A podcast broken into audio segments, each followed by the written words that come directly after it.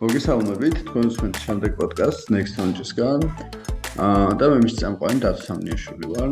დღეს ვისაუბრებთ ისეთ მოვლენაზე, როგორც არის გრავიტაციული ტალღები, აა რომლის მასშტაბ რომლის მასშტაბებიც რეალურად მე პირადად ესე მგონია, რომ ბოლომდე არც გვესმის და როდესაც პირველად რეალურად დაფიქსირდა ეს, ეს იყო 2015 წელი.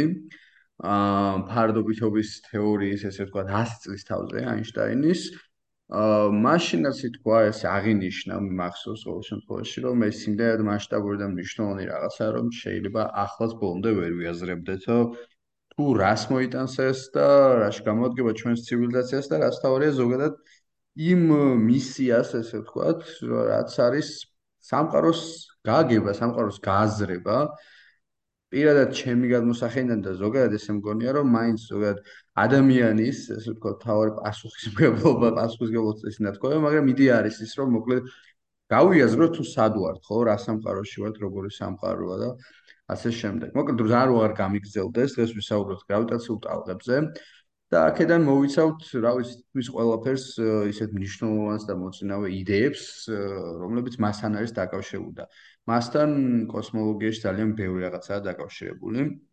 ამ ყოველთვის გარკვევაში დაგვეხმარება ჩვენი სტუმარი ბექა მოდრიკილაძე, ფიზიკოსი, რომელიც თანაც ადრეს მისაუბრია და ძალიან საინტერესო საუბარი გქონდა ხოლმე.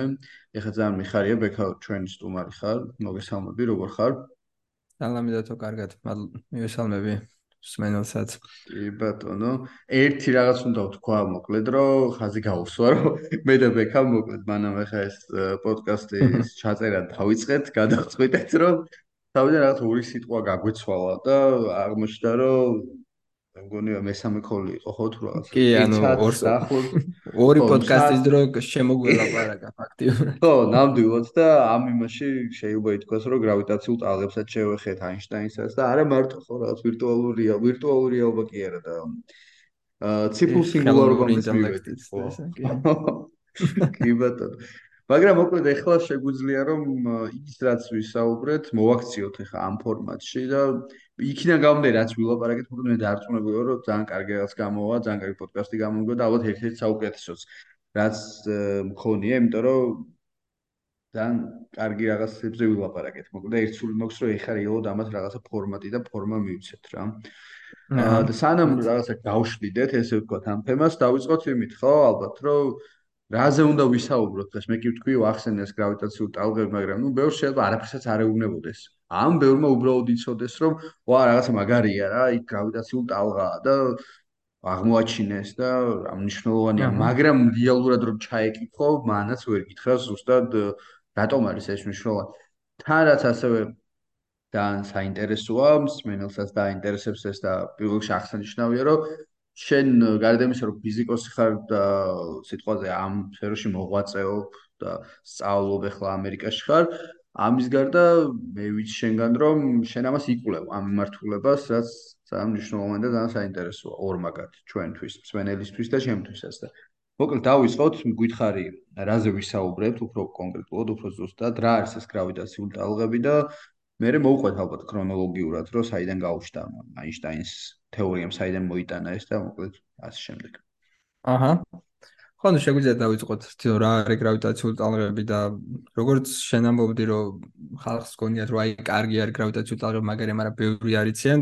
ერთ-ერთი მაგის მიზეზი არის ის რომ თვითონ სახელი არის ძალიან ცუდი გრავიტაციული ტალღები. და მაგის გამო ხალხს გონია რომ არის გაცილებით რაც ნაკლები და სიამთულეში გაცილებით უფრო სხვა მასშტაბის და საოცრებაა და თვითონ როგორც კი ახსნით რა არის გრავიტაციული ტალღები, შენც მე დამეთანხმები რომ აი ტალღები ძალიან ცუდი სახელი არის მაგისთვის. მაგრამ მე გავშალოთ უკვე რიციდან ნახვა შეგვიძლია მაგით და ფაქტიურად სამყაროს დანარჩენი 97%-ის დანახვა შეგვიძლია. იმიტომ რომ ეხლა უყურებთ აქამდე რაც კი მეცნიერება უყურებდა კოსმოსში ყველაფერს უყურებდა იგივენაერად როგორცაც ჩვენ თვალები არის, შეუყურებდა ელექტრომაგნიტურ გამოსხივებას, უბრალოდ სინათლეს უყურებდით. და ნუ სინათლე ზოგი იყო შეიძლება ინფრაწითელი ზოგი რენტგენი რასაც თვალი ვერ ხედავს მაგრამ უყურებდით სინათლეს. და ნუ ეხლა ძალიან დიდი ამბავი ხო იყო იმაზე ბოლოს ტელესკოპი რო გაუშვეს ახალ ჯეიმს უების და მარტო საოცრებები დაინახა. მაგრამ ჯეიმს უების ტელესკოპიც უყურებს მარტო სინათლეს. და სამყაროში ვიცით რომ სინათლესთან რაც ძალიან დიდი სამყარო არის ყველა ეს galaktikები, ვარსკვლავები, რომ თლიანად რაც გონია მატერია. ეგ არის სამყაროს ენერგეტიკული 3% მარტო. ან დანარჩენი სამყარო რაც არის არის ჩვენთვის ბნელი. მაგრამ ეს ბნელი რაღაცეები, კი, ბნელი მატერია, ბნელი ენერგია და ნუ რეალურად ეს სიგნალი ჩვენ სიგნალაზე იყო, ხო? ხო და ეხლა გრავიტაციული ტალღებით მაგების დანახვა შეგვიძლია, შავხროლების დანახვა შეგვიძლია, რომელიც არის ყველაზე ალბათ დიდი სიგიჟე რაც კი სამყაროში შეიძლება გაკეთებულიყო და ნებისმიერი რამე რაც გქონია რომ არის ლოგიკური ინტუიტივი აქ ჩაგერთვები, აი ერთ პატარაზე ჩაგერთვები აქ ჩაგეჭრები უბრალოდ. შავხროლების დანახვა მინდა რომ ცოტა გავხსნათ რა, ანუ დასნიშნავს შავხროლებს დავინახოთ. აი შავხროლს მანამდე იმიტომ ვერ ნახულობდით რომ შავხროლის სინათლეს ირეკლავდა. კი ბატონო. და სინათლე არ ირეკლავდა. რასაც კი ვხედავთ, ყველაფერს ვხედავთ, იმიტომ რომ სინათლე ეცემა და ირეკლავს და ვხედავთ. მაგრამ შავხროლი იმდენად ძლიერი არის გრავიტაცია მაგის რომ სინათლესაც კი იჭერს. და მაგის გამო ძველ ცაზე, ჩოლებრივად სინათლე დანახულ ცაზე, შავხროლები იყო ყველაზე ბნელი ობიექტები და ვერ ვხედავთ შავი და უძახე. მაგრამ ახალ ცაზე გრავიტაციული ტალღებით შავხროლები იქნება ყველაზე კაშკაშა ობიექტები. იმიტომ რომ ყველაზე დიდი გრავიტაცია მაგათ აქვს და ყველაზე დიდი შანსი რომ გრავიტაციული ტალღების შექმნას აქვს შავხროლებს. აჰა. მაგითო ახალი თვალები მივიღეთ და ასტრონომიის ახალი ერა არის ფაქტიურად. აი როგორც კი ფაქტობრივად ნეანდერტალელები როგორც კი ჰომო საპიენსები გახდნენ და ჰომო საპიენსებს ახალი რაღაცებს კეთება შეეძლოთ, ასტრონომიის ერებიც ფაქტიურად ასტრონომიის ერამ განიცადა ევოლუცია.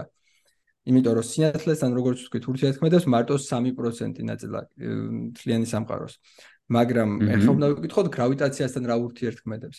და აინშტაინის ფარდობითობის თეორიას რასაც ახსნით მე ეგ გვეუბნება რომ ნებისმიერ რამე რასაც აქვს არანულოვანი ენერგია და ეგ იმის ეკვივალენტურია ფაქტურად რომ ვთქვათ ჩვენ სამყაროში ნებისმიერ რამე რაც არსებობს. იმიტომ რომ ერთ სულ ცოტა იმ ფრეიმვორკში როგორცაც ხედავთ რეალობას. ნებისმიერ რამე რაც არსებობს ანუ ურთიერთქმედებს გრავიტაციასთან. იმიტომ რომ ფარდობითობის თეორია მგითხრა რომ ნებისმიერი რამე რასაც არანულოვანი ენერგია აქვს ახდენს დროის სივრცის დეფორმაციას. და გრავიტაციული ტალღებით მაგ ყველაფრის დანახვა შეგვიძლია. და ძალიან შორს თუ გავიხედებდით თავად ბიგ ბენგის დანახვა შეგვიძლია იმიტომ რომ სამყარო დიდი აფეთქება როცა მოხდა სინათლე მაშინვე არ შექმნია და სინათლე შექმნა რაღაც დროის მერე. და მანამდე რეები ხდებოდა, ვერ დავინახავდით უბრალოდ მინუს სინათლეც კი არ არსებობდა, მაგრამ გრავიტაცია არსებობდა უკვე მაშინ. ანუ ეხლა რომ ეს უნდათ კონვერტაცია მოვახდინოთ ამ სიტყვების შედარებით ესე გასაგებად მარტივად ესე ვთქვათ რომ საკმაოდ რთული თემაა ხო რეალურად? კი კი კი. აა სინათლეს ვიკიდებთ, აღარ გჭირდება იმისთვის რომ რაღაცა დავინახოთ, ესე ვთქვათ და ამ ყველაფერში ვიყენებთ გრავიტაციულ ტალღებს, რომელიც ბევრად ეფექტურია და ბევრად მეტი რაღაცის დანახვა შეუძლია, ვიდრე ამ შემთხვევაში შეზღუდული სინათლე, ხო? დაახლოებით ამაზე. ზუსტად, ზუსტად. კი, კი. და ეხაც ახლა ნუ პრევიუსავით ვაკეთებ და რო წავყვებით ამ თემებს, უფრო მსმენელს გაიგებს თვითონ გრავიტაციული ტალღები რა არის და რატო შეგვიძლია მაგების დანახვა. და ანუ სინათლეთ ვერც დავინახავთ და ასევე ანუ რაც უფრო შორს ვიყურებით ხედავთ უფრო დიდ წარსულს ხო მაგათაც რო ვიძახით რომ ამ ზესაც რო ვიყურებთ 8 წუთი ჭირდება სინათლეს მოვიდეს და ჩვენ ზეს რო ვიყურებთ 8 წუთის წინანდელ წარსულს ვიყურებთ ანუ ზა რო გაქრეს 8 წუთის მერე გავიგებთ. ახლა 8 წუთი მიდან კატასტროფული არ დაჟღავს ფილმია სხვათა შორის ქართული ეგ 8 წუთი არის სტუდიო აუ ვაუ არ ვიცი. კი კი კი კი ჩემო მეგობრებმა გადაიღეს. მაგაზია ზუსტად დედამიწ ესე ზექრება და 8 წუთში რო უნდა განადგურდნენ. ხო ეს ფანტასტიკაა უბრალოდ მოკლემეტრაჟიანი აქ უბრალოდ იციან რატომღაც განსხვავება ისე რომ ჩვენ ვერ გვეცოდინება ეგ ფიზიკურად. აკვითომ იციან რომ აი ხა უდები უიმეო ჩაქრო და 8 წუთში ჩაქროს თუ რა ეს გამახსნე ჩართვა მოკლედ. ხო ისმენ მაგრამ უფრო შორს თუ გავიხედებით ხო აი ვიძახიან რომ ეს ვარ შავხროლი იქით არის 10 მილიონი სინათლის წლით. ეგ ნიშნავს რომ ჩვენ რასაც უყურებთ უყურებთ 10 მილიონი წლიან წინანდელ წარსულს 10 მილიონი წლის წინანდელ წარსულს. კი ბატონო. მაგრამ ძალიან ძალიან შორს თუ გავიხედებით შეგვიძლია დავინახოთ დიდი აფეთქებაც ან დიდი აფეთქებისას რაც მოხდა ისე ანუ ფაქტურად თუ ვისაც გაუხარდება ღმერთიც კი შეუძლია და და რა ქვია ღმერთი თავიდან სამყაროს როგორც აკეთებდა რა ერეებსაც უკეთებდა აი ეგ კარგად მეცარმეს უყურე. რო ამბობ ბუდიშს ჩაიხა აი დიდი აფეთქება შეგვიძლია დავინახოთ. გასაგებია რომ ეგ დროს შუქი არ არის და შუქი ანუ სინათლე უბრალოდ მაგაში ვერ დაგეხმარება. მაგრამ როგორ შეგვიძლია დავინახოთ? იმიტომ რომ დროსიურცე იყო, დროსიურცე შეიქმნა და იმ დროსიურცის იმ დროსიურცემ რა ოსცილაციებიც გააკეთა გრავიტაციული ტალღები რაც შეიქმნა, ის გრავიტაციული ტალღები შეიძლება დაეხედება წინ და უკან კიდე სამყაროში და მაგას საუბარი არის იმაზე, რომ როგორც კი პირობითად ვუფეს ვისწრებს აფეთქება არ წყობილა, ხო, რაღაცა ხდება, აი მაგ მომენტიდან შეიძლება დაინახო გრავიტაციული ტალღებით? კი, კი, კი.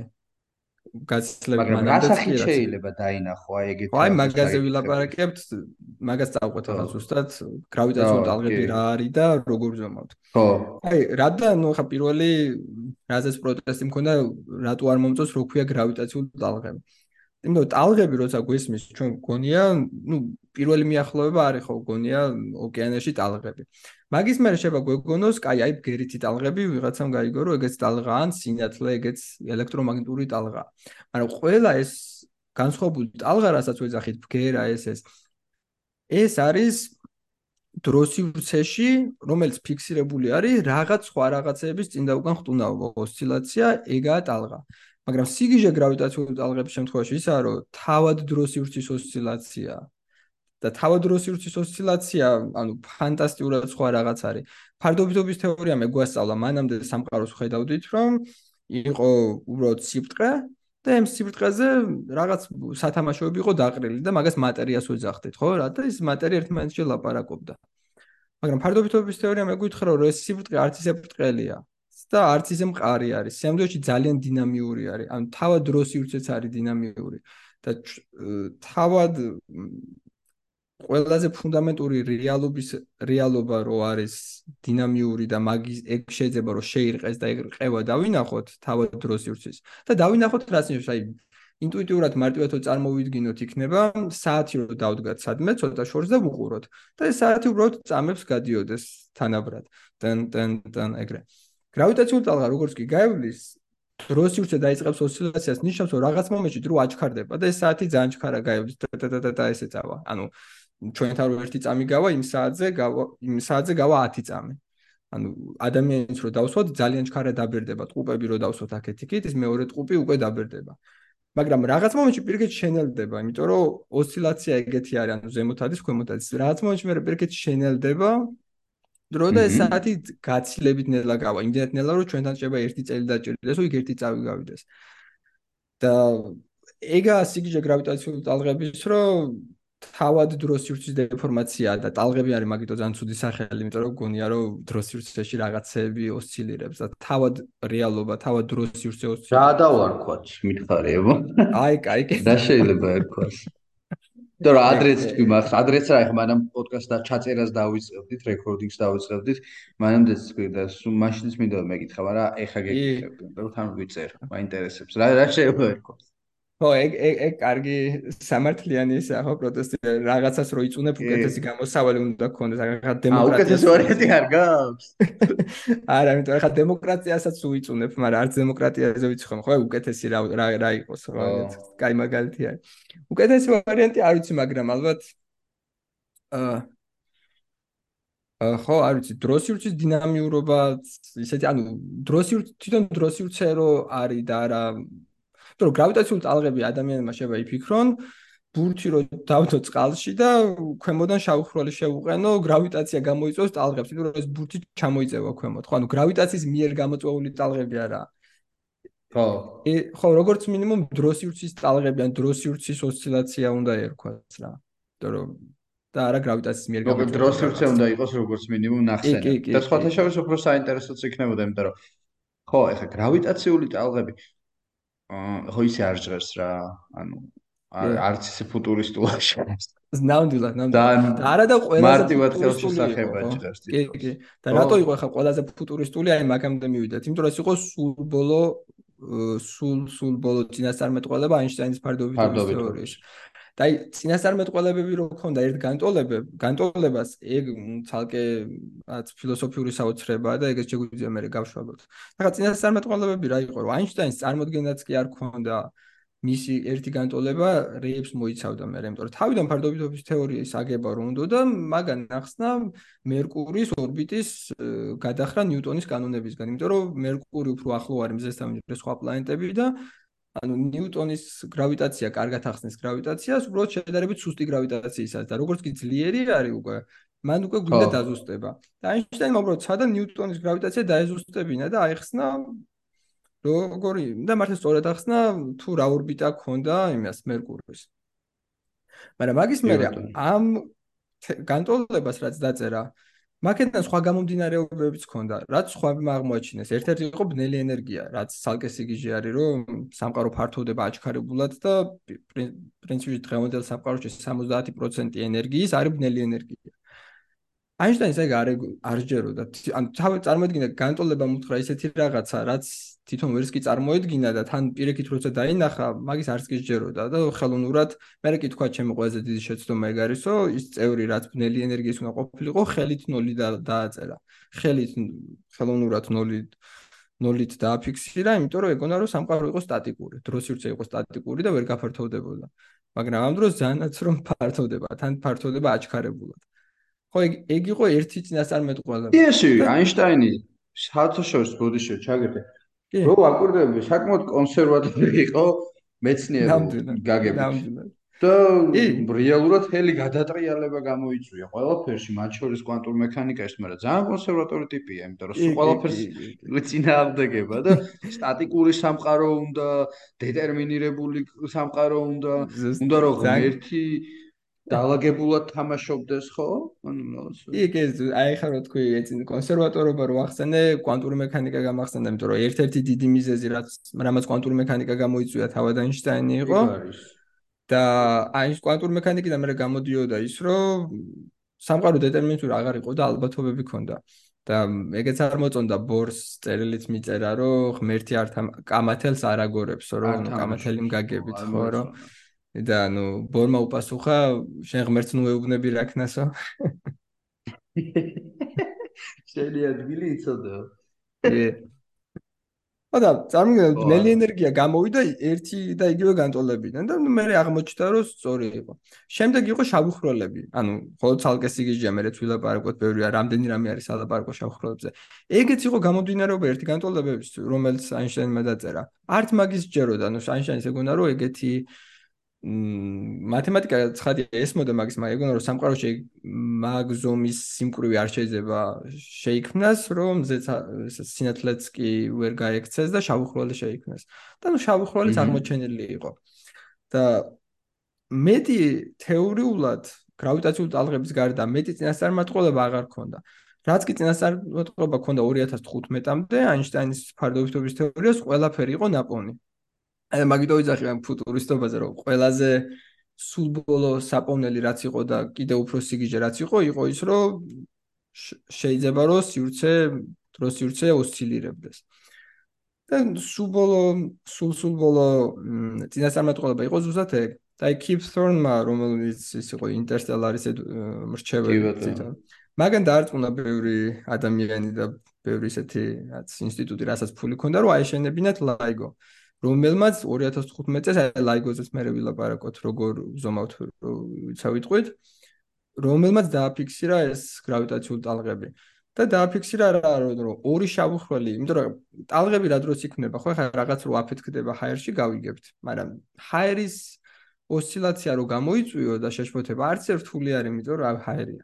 მაგრამ დროს ირცის ოსცილაცია რო გამოიწვიო გაცილებით გაცილებით უფრო რთული არის და რაღაც ძალიან დრამატული უნდა მოხდეს სამყაროში რომ თავად თავად რეალობამ გინდა პიქსელები დავარქვათ ჩვენი სიმულაციის გინდა დროს ივცე რასაც რაც რაც გინდა დავარქვათ თავად რეალობამ ყველაზე ფუნდამენტურმა მატერიამ რისგანაცა მერემთლიანი რეალობა მოქსოვილი ასე ვთქვათ დაიწყოს რყევა. და ეგეთი ფენომენი არის როცა ორი შავხრელი ეჯახება ერთმანეთს და მაგათ შერწყმა ხდება.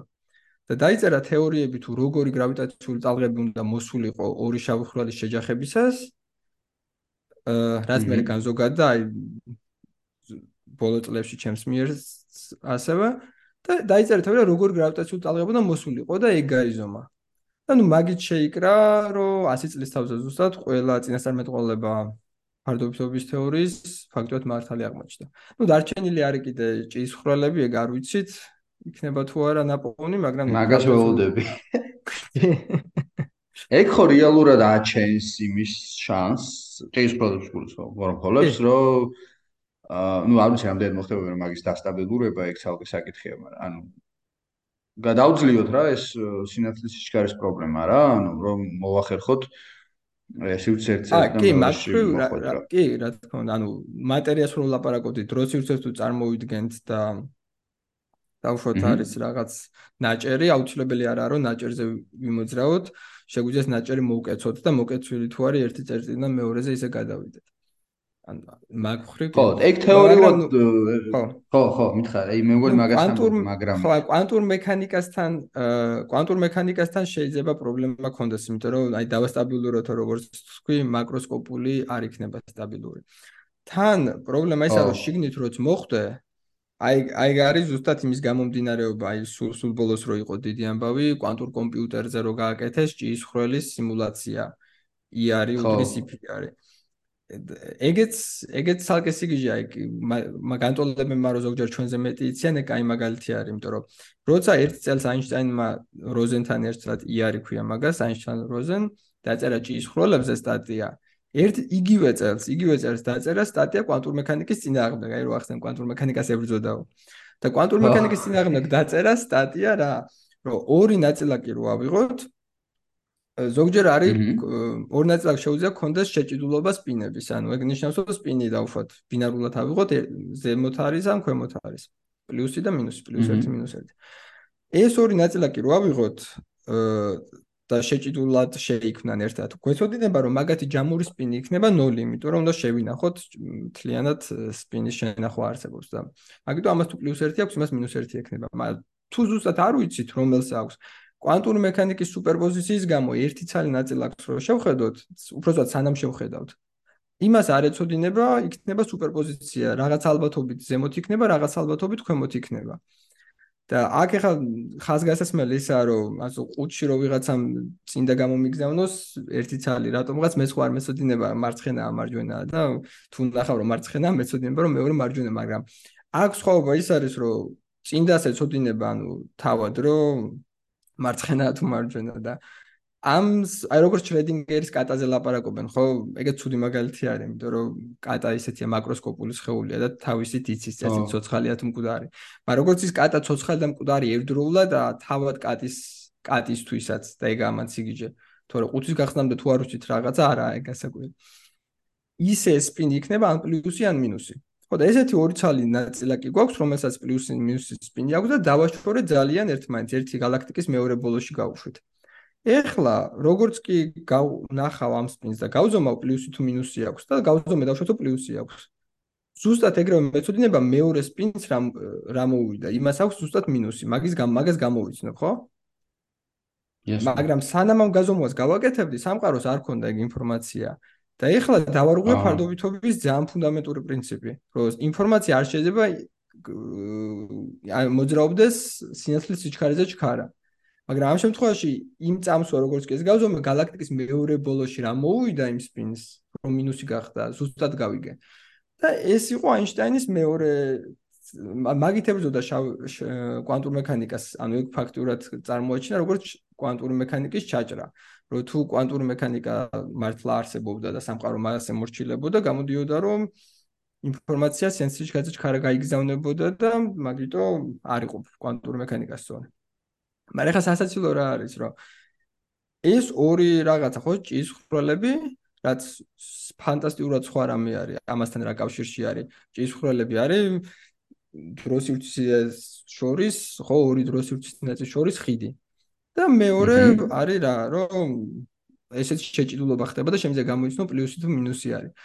ეს ორი რაღაცა შემდეგ 2000-იანებში ლეონარდ სასკინმა რომელიც სიმების თეორიის ერთ-ერთი შემქმნელი არის მაგრამ თქვა რომ ეს ორი რაღაცა ერთ და იგივე არის პირდაპირ დაწერა ი არის უდრის იპიარს ანუ რამდენად აბსურდულად შეიძლება შეხედას ხო მაგრამ რეალურად რაც ხდება ეგ არის რომ სამყაროსთვის ანუ ჩვენთვის აი იმის ალეგორიას შენს გიხსენებია.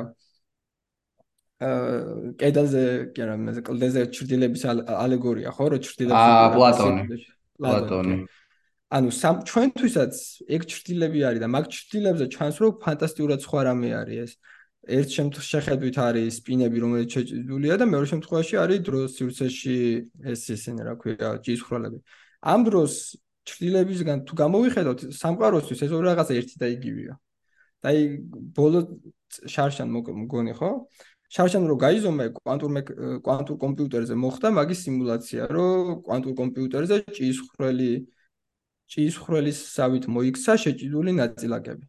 და ეგ ორი ერთ ეგ რას გვეუბნება ესე იგი ანუ ეგ სიმულაცია? ეგ ну გვეუბნება რომ მართლა ან შეჭიდულობა ორი ნაწილაკის ეს კვანტური შეჭიდულობა ზუსტად იგივე არის რაც ჭისხრელი რო კონდეს ანუ ორი ნაწილაკი როცა შეჭიდული არის რეალურად მაგათ შორის იქნება ჭისხრელი ა ძალიან უხეშად რო ვთქვა სადაც მეგობრებო ვინც გვისმენთ იმედია? მე მგონია რომ ეხლა ხალხს თავი უსყდება, იმიტომ რომ საკმაოდ ანუ მიუხედავად იმისა, რომ მე სულ ამ თემებს რაღაც ვუსმენ, რაღაცას ჩემთვის ეს ცოტა ის არის რთულია, რომ ეს ბოლომდე გამოყვე ხარ ასე სალაპარაკობ რა. ანუ ეგ ხომ ეს კაი მაგალითი იმისა, რომ თავად აინშტაინსაც ჰქონდა ეგ პრობლემა, თვითონაც კი არ წარმოედგინა. მიუხედავად იმისა, რომ ერთ წელ ანუ ხო შეიძლება რომ რაღაც დაეწერა, მე 20 წლის მერე რაღაც დაეწერა და ამ ორს ერთმანეთთან კავშირი რო ქონოდა ეგ ვერ შეემჩნია. იმიტომ რომ აღარ ახსოვდა, მაგრამ მოგეთ ტიპმა ერთ წელიწადს დაწერა ორივე სტატია. და წარმოდგენაც კი არ ქონდა რომ ხო, წარმოდგენაც კი არ ქონდა რომ ამ ორს ერთმანეთში კავშირი ქონდა. ანუ თალსა ერთმან ეგ ერთმანეთს რატო უდრის უფრო რთული სათქმელი არის, ხო, უბრალოდ ჩვენთვის განსხვავებულად ჩანს, მაგრამ აი იმ ჭრილების ანალოგიით რო ვთქვა, რეალური ობიექტი რაცა ჩვენ ჭრილებს რო უყურებთ, მაგ ჭრილების სივრცეში ჩანს განსხვავებულად და სიამდვილეში სამყაროსთვის ერთ და იგივე არის. ხა სამყაროსთვის ერთ და იგივე რო არის, ხა მაგის გააზრება ხო ეგ უფრო ისე ვთქვათ, რომ ისა უფრო challenging მისია. მაგრამ მაგის გააზრების garaშე მარტივად რაც შეგვიძლია აქედან გამოვიტანოთ ის არის, რომ ერთ მხარეს არის ჭიისხრალები, მეორე მხარეს არის ეს კვანტური ტელეპორტაცია და თურმე ერთ და იგივე რაღაცებია ყოფილა ეგ. და აინშტაინის წარმოდგენაც კი არ ქონდა და ნუ შარშან ეგ შემოწმდა. და ეგეც კიდევ ერთხელ ხო ხო აინშტაინზე ჩვენ რო ვისაუბრეთ მანამ შეაწერას დავიწყებ თქვით კიდევაც ხო მე მგონი იმდენი ვისაუბრეთ მოკლედ უკვე ცოტა მერევა მართალი გითხრა ეხლა ჩაწერის დროს საუბრობდი მაგალითად ჩაწერამდე ვისაუბრეთ რეფერენსი რაზე გავაკეთოთ რთული არის ხო ახლა? აი მაგალითად რო ვამბობდით რომ რო ვთქვი რომ აინშტაინი მეთქი საკმაოდ კონსერვატორი იყო ხო? ხო აი რეალურად ეგ იყო ხო რომ ანუ აინშტაინი მართლა ისეთი ტიპი იყო, რომელმაც ან ძალიან ბევრი რაღაცა მისმა თეორიებმა, ეს მისმა თეორიამ, ესე ვთქვათ, ან იწინასწარმეტყველა, ან მოიტანა პირდაპირ, რასაც კონკრეტული პიროვნება ვერ მიყვებოდა, ხო? არ ვერ მიყვებოდა. ნამდვილად, ნამდვილად, კი, კი, კი. და ე მაგას მიუყვართ იმ კითხვამდე, მათემატიკა თუ იმდენ ამას გვეუბნება, რაც უფრო მეტ ამას გვეუბნება, რაც ჩვენ შევქმნით, მიუხედავად იმისა, რომ ჩვენ დავწერეთ ეგ ფორმულა, ხო, აინშტაინმა დაწერა ეს ფორმულა თავის დროზე. აჰა. არა მარტო რასაც ვერ წარმოვიდგენდით, რასაც დავინახოთ მეც კი არ შეგვიძლია თურმე გააზრება და ჩვენი შექმნილი რა მასეთ რამეს რო გვეუბნება, მაგასთან ერთად მე ვიაზრებთ იმას, რომ ერთი შეხედვით ადამიანებმა შექმნეს მათემატიკა, მოიფიქრეს აქსიომები, დაც ძველ საბერძნეთში ვიღაცები რაღაცებს ჯღაპდნენ ქვიშაზე და ავაგეთ რა თეორია. მაგრამ მე რატომღაც და ამას ძალიან ბუნებრივად ვიღებთ, მაგრამ რო ვიაზრებთ არანაირი მიზეზი არ იყო ამისი, რომ ესე ყოფილიყო. რატომღაც ჩვენს დაჯღაპნილი და ამით მოფიქრებულ თამაშს ნამდვილი სამყარო, სადაც ჩვენ ვცხოვრობთ, ის მიყვება. და არა მარტო ეხა მიყვება, სანამ ადამიანები გაჩნდებოდნენ საერთოდ, სამ დედამიწა გაჩნდებოდა, მანამდეც კი მიყვებოდა. და მაგითაც ჩდება მე ეს ფილოსოფიურად დიდი კითხვა, რომ ჩვენ გამოვიგონეთ მათემატიკა, აქამდე ეგრე გვეგონა თუ სიამდვილეში აღმოვაჩინეთ. იმიტომ რომ როგორც აინშტაინის კანტოლებები იძლეოდა ისეთ რაღაცას, რაზეც აინშტაინი ვერც კი წარმოიდგენდა მაგებს, ხო? ისე მათემატიკა იყო ანუ მანამდეც და იქნებ სულ არ შეგვიქმნია, ხო? და ეგ ძალიან ისეთი არის პარადოქსული კითხვა. მე მანდ მე მანდ მივდივარ იქ, რომ მე მანდ მივდივარ იქ, რომ გონია რომ აღმოვაჩინეთ და მანდ ზუსტად იქ ვარ, რომ თუ სიტყვაზე ან მე ეგრე ვუყურებ მოკლედ სამყაროს, რომ ანუ რაღაც ტიპები ვართ, რომლებაც ანუ რაღაც ამოცანა რა აი შეხედე აი ამოცანა რომელმაც არ იცის რომ ამოცანა არ ვიცი როგორ არ იცის რომ არსებობს კიდაც ესე ვთქვათ. ან შეიძლება იცის კიდევაც ეგ ცალკე სიგიჟეა ვაფშე ჩვენ ხო რაღაც ძალიან პატარა წერტილები ვართ ვაფშე აზიერო ვართ. აი ხო ხტები რა ლამაზი რა ადამიანები ვართ და მეცნიერება არის როცა ბევრი ატომი ცდილობს გაიგოს რა არის ატომი. აა აა გინდაც გინდაც ხო გინდაც ან ან წარმოიდგინე რაღაცა წერტილში რაღაცა ტიპები ცდილობენ რომ რაღაცა გაიგონ. აა და თუმცა ანუ რა გაიგონ ეგ ცალკე საკითხია, როდესაც შეიძლება თვითონ ეს მთლიანი რაღაცა რისი ნაწილებიც ვართ. თვითონ იმან იცის, აი, წარმოიდგინე ეგ ცალკე სიგიჟე, ხა ეგ ცოტა მეცნიერებასაც ხდება, ჩემი აზრით, კლასიკური გაგებთ მეცნიერებას, რომ შეიძლება ტიპია, რომელმაც იცის ვაფშე. ხტები რა შევამბობ? აი, შენ წარმოიდგინე ახლა, რომ ჩემი ორგანიზმი და სადღაც ძალიან ისეთ შედარება, მაგრამ სადღაც რომელიღაც ელექტრონების ჯგუფში რომელიღაც ჩემი ორგანოს რომელიღაც ელექტრონებში იწებენ ტიპები გამოკვლევას. ცხოვრობენ ელექტრონზე, აი პირობითად ვამბობ. რაღაცები და გაიგონ. მაგრამ მე ხო ვიცი. მაგრამ მათგან შევდგე. მაგაგებით ხო აი კაი არიან twin twin-მა თუ იცის სხვა ნაწილებმა არ იცის. მაგრამ მანდაც ის მანდის გამახსენდა twin-ი ჩვენი სხეულის ყველაზე ჭკვიანი ნაწილია twin-ის მიხედვით. კი. twin-ის მიხედვით. ხო და ნუ მოკლედ აი მაშინას თქვი რომ სეი კალსაიგანს როგორც ამბობდა თქო კალსაიგანს აქვს ეგეთი ნათქვამი რომ ანუ სიცოცხლეო არისო საშუალება სამყაროს იმის რომ სამყარო საკუთარი თავი შეიმეცნოსო და ნუ სიცოცხლეც ხო სამყაროა ხო რეალურად ანუ განყენება ვერ მოხდება ხო ანუ სამყარო დაუშვა ესე იგი მაგან შეიძლება ნაწილია. აჰა. და მაგან შეიძლება გაადვილოს ან გაართულოს. იმიტომ რომ სამყარო თუ არის ლეგოს ბლოკებით აწყობილი სამყარო ლეგოს ერთ პიქსელს შეუძლია თუ არა გაიგოს რა არის გან ანუ შეგვიძლია თუ არა სამყარო ისე ამოხსნათ თუ ჩვენ სამყაროს ნაწილი ვართ. და მაგას შეიძლება გან გაამარტივოს ამ პირიქით გაართულოს ეგეც რთული საკითხი არის. მაგრამ მათემატიკაზე სიგიჟე ის არის აი მას რომ დავიწყოთ ლაპარაკი ახლა შეგვიძლია გავშალოთ რომ მათემატიკა თვით შეთანხმებული არ არის წინააღმდეგობრივი თეორია. ანუ ძალიან უხეშად რო თქვა მათემატიკა გატეხილი არის და გოდელმა არასრულობის თეორიით ეგაჩვენა აი აინშტაინი პრინსტონში მაგის გამო გადავიდა რომ რითიც დაითანხმეს პრინსტონში იყო ეგრო, მომენატრაო სახში გოდელთან, ანუ სამსახურის მერე გოდელთან ერთად სეირნობა მომენატრაო და მაგიტო ჯანდაბასო წავალ გოდელთან. პრინსტონში მაგიტო დათახლა რომ დასულიყო, ხო? და ეს გოდელ ცალკე სიგიჟე იყო, ეგ როგორი ტიპიც იყო, სამწუხაროდ და ტრაგიკულად დაასრულა მე ეშინოდა რომ უბრალოდ кайხანი ეშინოდა რომ მოწამლა უნდათ მაგისი რატომღაც და მარტო მისი ცოლის გაკეთებულ საჭმელს ჭამდა და რაღაც მომენტში მისი ცოლი ცუდად გახდა და კლინიკაში იყო და გოდელმაც არაფერი შეჭამა და ესე მოკვდა. მაგრამ ანუ ამდენად რეალობას აცდენილი იყო ხო ერთ შეხედვით ეგ ადამიანი? მაგრამ მაგ ადამიანმა დაამტკიცა რომ მაგ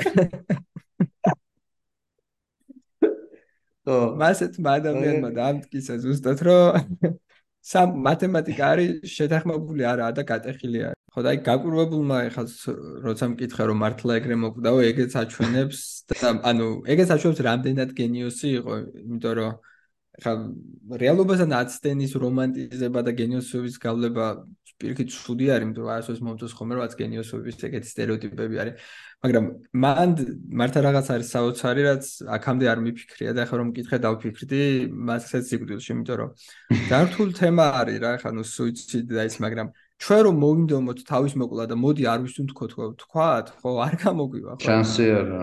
კი, ანუ იმიტომ რომ რაღაც მომენტის მერე, ხო? ანუ რა თქვა, მოდი აღარ ვიცი, რაღაც მომენტის მერე ჩვენ ფაქტიურად control board-ი თუ რაც არის, ინსტინქტები ერთვება და ცნობიერი ვერ აკონტროლებს. ანუ რაღაცებზე კონტროლი არ გვაქვს ჩვენს ხელზე და ჩვენს გონებაზე.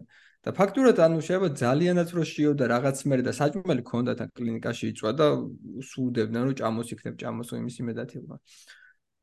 ანუ რაღაც მომენტშიც კი ინსტინქტებმა ვერ გადაფარა, ანუ ქვეცნობიერმა ვერ გადაფარა ქვეც მაგისი ცნობიერი და ფაქტურად შეიძლება ერთადერთი ადამიანიც კი იყო ვისი ცნობიერიც იმდენად ეგრე ვთქვათ ძლევამოსილი იყო რომ ქვეცნობიერსაც სათავისო დამუშავებდა. და ეგ და მაგიტო მაგრამ მაგის გამო ინსტინქტებმა ვეღარ გადაარჩინეს იმიტომ რომ ცნობიერს მაგდონეზე ქონდა ტვინზე კონტროლი. აი დიოგენეს მითი ხო არის რომ ტიპი იჯდა ბოჭკაში ბოჭკაში ჯა იჯდა იჯდა იჯდა და აა ბოლოს რაღაც მომენტში თქვა რომ კაი უცეო ეხლა აღარ მინდაო და შეწყვიტეს მთქვა და მოკვდაო რა. ხო და ეგ არ გამოვა რა ვიცი და ან ფაქტურად ეგრე გამოუვიდა რომ საჭმელი ქონდა და მაინც შეძლო რომ არ ეჭამა, იმიტომ რომ ეგონა რაღაცის გამო რომ მოწამლავდნენ. თან არც მტრები არ ყავდა რა. წარმოიდგინე რომ ეგ რატო ეგონა. მაგრამ ეგ ეგ და აინშტაინი მუშაობდნენ ეგ ზუსტად Institute of Advanced Study პრინსტონზე აი მაგაზე რომ ყვებოდი რომ დღესაც ერთ ყველაზე გამორჩეული ადგილი არის სადაც ხელფასისი აქვს თავშოთ მეცნიერებს რომ არაფერს არ თხოვენ არც ლექციების წაკითხვას არც სტატიების გამოქვეყნებას უბრალოდ წელიწადში 3 მილიონი აქვს ყველას.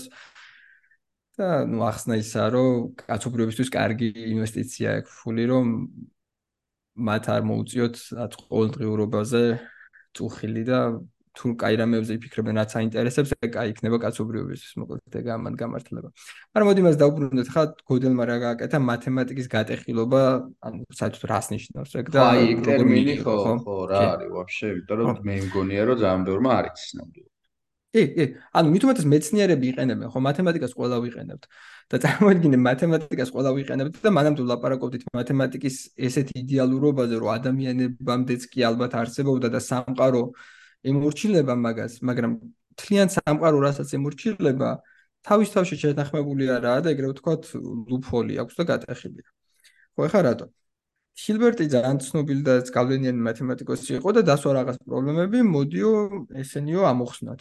და ერთ-ერთი იყო მათემატიკის შეთანხმებულობის დამტკიცება. თუ შეთანხმებულობის. და ან არა თვით წინააღმდეგობრივი რო იქნებოდა მათემატიკა, მაგას არც კი ელოდა არავინ. ანუ მაგას არც მოძებნიდა ალბათ არავინ. ეს ყველა კითხვა, კითხვის ნიშნის ქვეშ არც იყო. უბრალოდ ცნობდნენ დაემტკიცებინა რომ აჰა, მოდი ნახოთ რომ შეთანხმებულია. და მე გამოვიდა გოდელი, რომელიც ძალიან ახალგაზრდა იყო მაშინაც. შეიძლება 21-ის იყო. ან ახალი 20 20-ები მოდი ესე ვქოთ. და დაამტკიცა პირიქით, რომ მათემატიკა არის წინააღმდეგობრივი თეორია. და ხარ ასე ნიშნავს, მათემატიკა როგორც თეორია არის აა ლოგიკაზე დაფუძნებული, რომელიც იწყება რამდენიმე აქსიომით. და აქსიომატიკური სიმრავლეთა თეორია არის, ნუ ხადი და მაგიებზე მე არის აგებული ყველაფერი. ხა მანდ რო არ შევიდეს ხო ტერმინოლოგიაში. ანუ გვაქვს რამდენიმე ფუნდამენტური აქსიომა, რომლის დამტკიცებასაც არ ვცდილობთ, იმიტომ რომ ვიღებთ როგორც პოსტულატად. მაგრამ მე გვჯერა რომ ამ პოსტულატებს თუ დავალაგებთ, ყველაფრის გამოყენებას შეგვეძლება და ერთმანეთში წინააღმდეგობაში აღარ მოვლენ. და გოდელმა ჯერ დაამტკიცა ის რომ არსებული მათემატიკას რა აქსიომებიც ქონდა, შეექნებოდა თავისი მ ბაგები, ესე ვთქვათ, პროგრამირების ენაზე რო ვთქვათ. და ეს ბაგები იქნებოდა ისეთი ისეთი თეორიები, რომლებსაც ვერასოდეს ვერ დავამტკიცებდით. მიუხედავად იმისა, რომ იქნებოდა აგებული მათემატიკის ენაზე. და პირიქით წინააღმდეგობრივიც იქნებოდა, იმიტომ რომ მაგალითად A თუ არის სიმართლე, არა A უნდა იყოს მცდარი და პირიქით.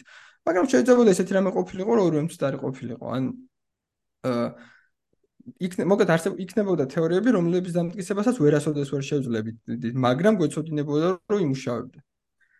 და მაგის მერე კითხვა მაგაზეც არ გაჩერებულა გოდელი. გოდელმა კიდე ის დაამტკიცა, რომ არა მარტო ეხლანდელი აქსიომების სიმრავლით იქნება. ჩვენ თუ დავიწყეთ აქსიომების დამატება, დავუშვათ გვაქვს 7 აქსიომი, ხო?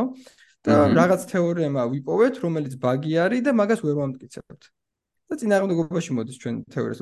ვიღაცა იტყვის, რომ კაი, მოდი მერვე დავამატოთ და ეს მერვემ გადაწყვიტოს ესო, ხო? მაგრამ მაგანის დამტკიცა, რომ მერვეს თუ დავამატებთ და იმას გადავწყვეტ, ახალი ეგეთი თეორიები გამოჩნდება, პათოლოგიები, კაი, ეგეც კაი სიტყვა, ალბათ.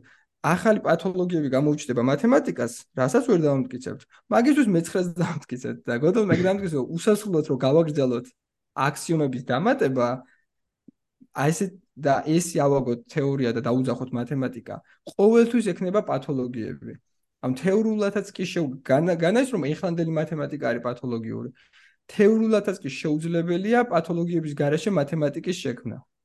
ანუ ეგეთი სიგიჟე დაამტკიცა ადამიან და ხო და ეგ უფრო პარადოქსი ხდება რა ამას.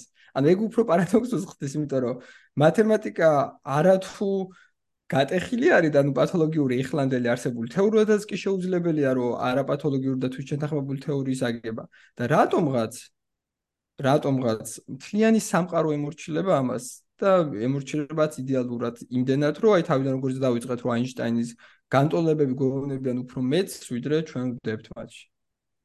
ხო, მაგრამ ეს ორი მოცემულობა ხა ერთმანეთს ეწინააღმდეგება თითქოს, ჩემი გადმოსახედით. ჩემი homo sapiens-ის გადმოსახედით. კი, კი, კი, კი. და ერთ-ერთი ყველაზე დიდი პარადოქსი არის ალბათ თელ ფილოსოფია და მეცნიერებაში, რაც ну, ბერმა არც ის ხო მათემატიკა ესე გატეხილია მართლა, შეიძლება ბერმა მათემატიკოსმაც და მით უმეტეს ამ ფაქტების დაკავშირება არ მოგწონთ ხოლმე ერთმანეთთან, ან ან არ მე არ გამიგია, მაგრამ ამ დროს პირველ კითხვა ეგ უნდა გავჩნდეთ, რომ თლიანი სამყარო ემორჩილება მათემატიკა და ჩვენი რეალობა ფაქტიურად ნებისმიერ გინა სიმულაცია ვიყოთ, გინა სხვა რამე ვიყოთ, ერთი მომენტიდან მეორე მომენტში სამყარო აპდეიტს როგორც აკეთებს, აკეთებს მათემატიკის მიხედვით. ისეთი რაღაცის მიხედვით, რაც არაა თვით შეთანხმებული და რაც არის გატეხილი. ანუ ვიღაცამ შეიძლება თქვას, კარგი მაღალი სტანდარტების ადამიანს შეუძლია თქვას, რომ არასწორით. ანუ არასწორი რაღაცის მიხედვით სამყარო რატომღაც ისე ჩანს, რომ ევოლუციას მე მგონი ნეო გჭირდება. ნავთ. ანუ რაღაცა აი ეგეთი რაღაც გამოდის, ხო? ვიღაც ტიპი გჭირდება, რაღაცა გატეხილით თუ მუშაობს, რაღაცა ვიღაცამ გჭირდება, ვინც იზამს? გახდა. ხო, აი მან მანამდე მაგაზეც ხო ვილაპარაკეთ, სხვა უცხო პლანეტელებს რატო ვერ ხედავდით, რომ ის უცხო პლანეტელები გადიან გარე სამყაროში და მაგიტო განვითარება. კი, მეგობრებო, ამაზეც ვისაუბრეთ, სანამ ჩაწერას დავიწყებდი.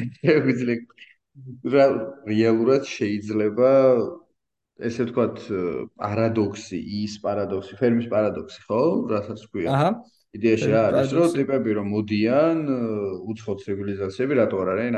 მარტივი პასუხი შეიძლება იყოს ჩვენ ჩვენ თეორია გავაჩინეთ ესეთი მოკლედ, რომ იმიტომ რომ უბრალოდ გადიან ამ სამყაროდან რა ცივილიზაცია რომელსაც შეუძლია სინათლის სიჩქარის ლიმიტი დაძლიოს. ну ჩვენ ვიცით რომ სინას ჩიქას ლიმიტს თუ ვერ დაძლევ, ვერსადაც ვერ წახვალ, ხო? ანუ რა ვიცი, სად უნდა წახვიდე მაქსიმუმ ჩვენ შემთხვევაში ალფა ცენტავთან, ანუ რა გვერდი. კი, რომელიც ასევე რამდენიმე წელი დაგჭირდება, ხო? სინას სიჩქარით 4 თუ რაღაცა, ხო? სინათლის სიჩქარითაც. და წარმოიდგინე ხა, რა ვიცი, რითი უნდა მიხვიდე და მარტო ჩვენ galaktikas რო ფოლი არის ხალხს გამორჩება ხოლმე ოღონდ. აი sci-fi ავტორებსაც არა აქვთ. ერთი ლუფოლი ისაა რომ მართალია ეგრე არის გარე დამკვირვებისთვის, მაგრამ შემთხვევით დრონელდება. და გარედან შეიძლება გავიდეს ამ ბევრი წელი, მაგრამ შენ შეიძლება შენ ცხოვრებაშიც კი მოასწრო ჩასვლა. ი ექსტორია. ეგ საინტერესო მოიცა, მოიცა ერთი წუთი, მეც მაგას ეხა უყურე. ოკეი, ჩაო ჯექი და წავედი. მაგრამ, მაგრამ ჩემ მე ხო ჩემ მოზრა. კი, მაგრამ ძალიან, ანუ შენთვის რო გავა ერთი წელი, გარეთ გავა 1000 წელი და ფაქტობრივად 1000 სინათლის წლით რაც იყო დაშორებული შენი ცხოვრების ერთ წელში ჩახვალმან. შვენი, წავედი. კი, კი, ნამდვილად მაგაზე. ანუ რეალურად ეგ არის, ხო მართალი ხარ, ანუ სინათლისკარს მიახლოებულზეა საუბარი. ხო, რეალურად სინათლისკარს ვერ განავითარებ ვერა. ეგ ეგ კონცეფტი გამოვიყენეთ. კი, მე და ჩემმა ერთმა კოლაბორაციონისტმა, კოლაბორატორმა აირაროც სცენარი ერთი ფიზიკოსი ცნობილია. თამაში გავაკეთე საერთოდ აპლიკაცია relatively simple ქვია და იმაზე არის ზუსტად relativism-ზე რომ შენ ტელეფონზე შეგიძლია ნახო თუ შეცვლი მაგალითად შენ სიჩქარე ამდენი კი არა ამდენი არის როგორ გადის დრო როგორ ნელდება შენთვის დრო. კაი ძალიან ჰიპოთეტურად თამაში მაგაში ეგა არა ზუსტად. ხო ხო ხო გადავიდეთ. ან თამაში ეგა არა ზუსტად რომ მაგრამ გრავიტაციაზე გადავახოთ ხო.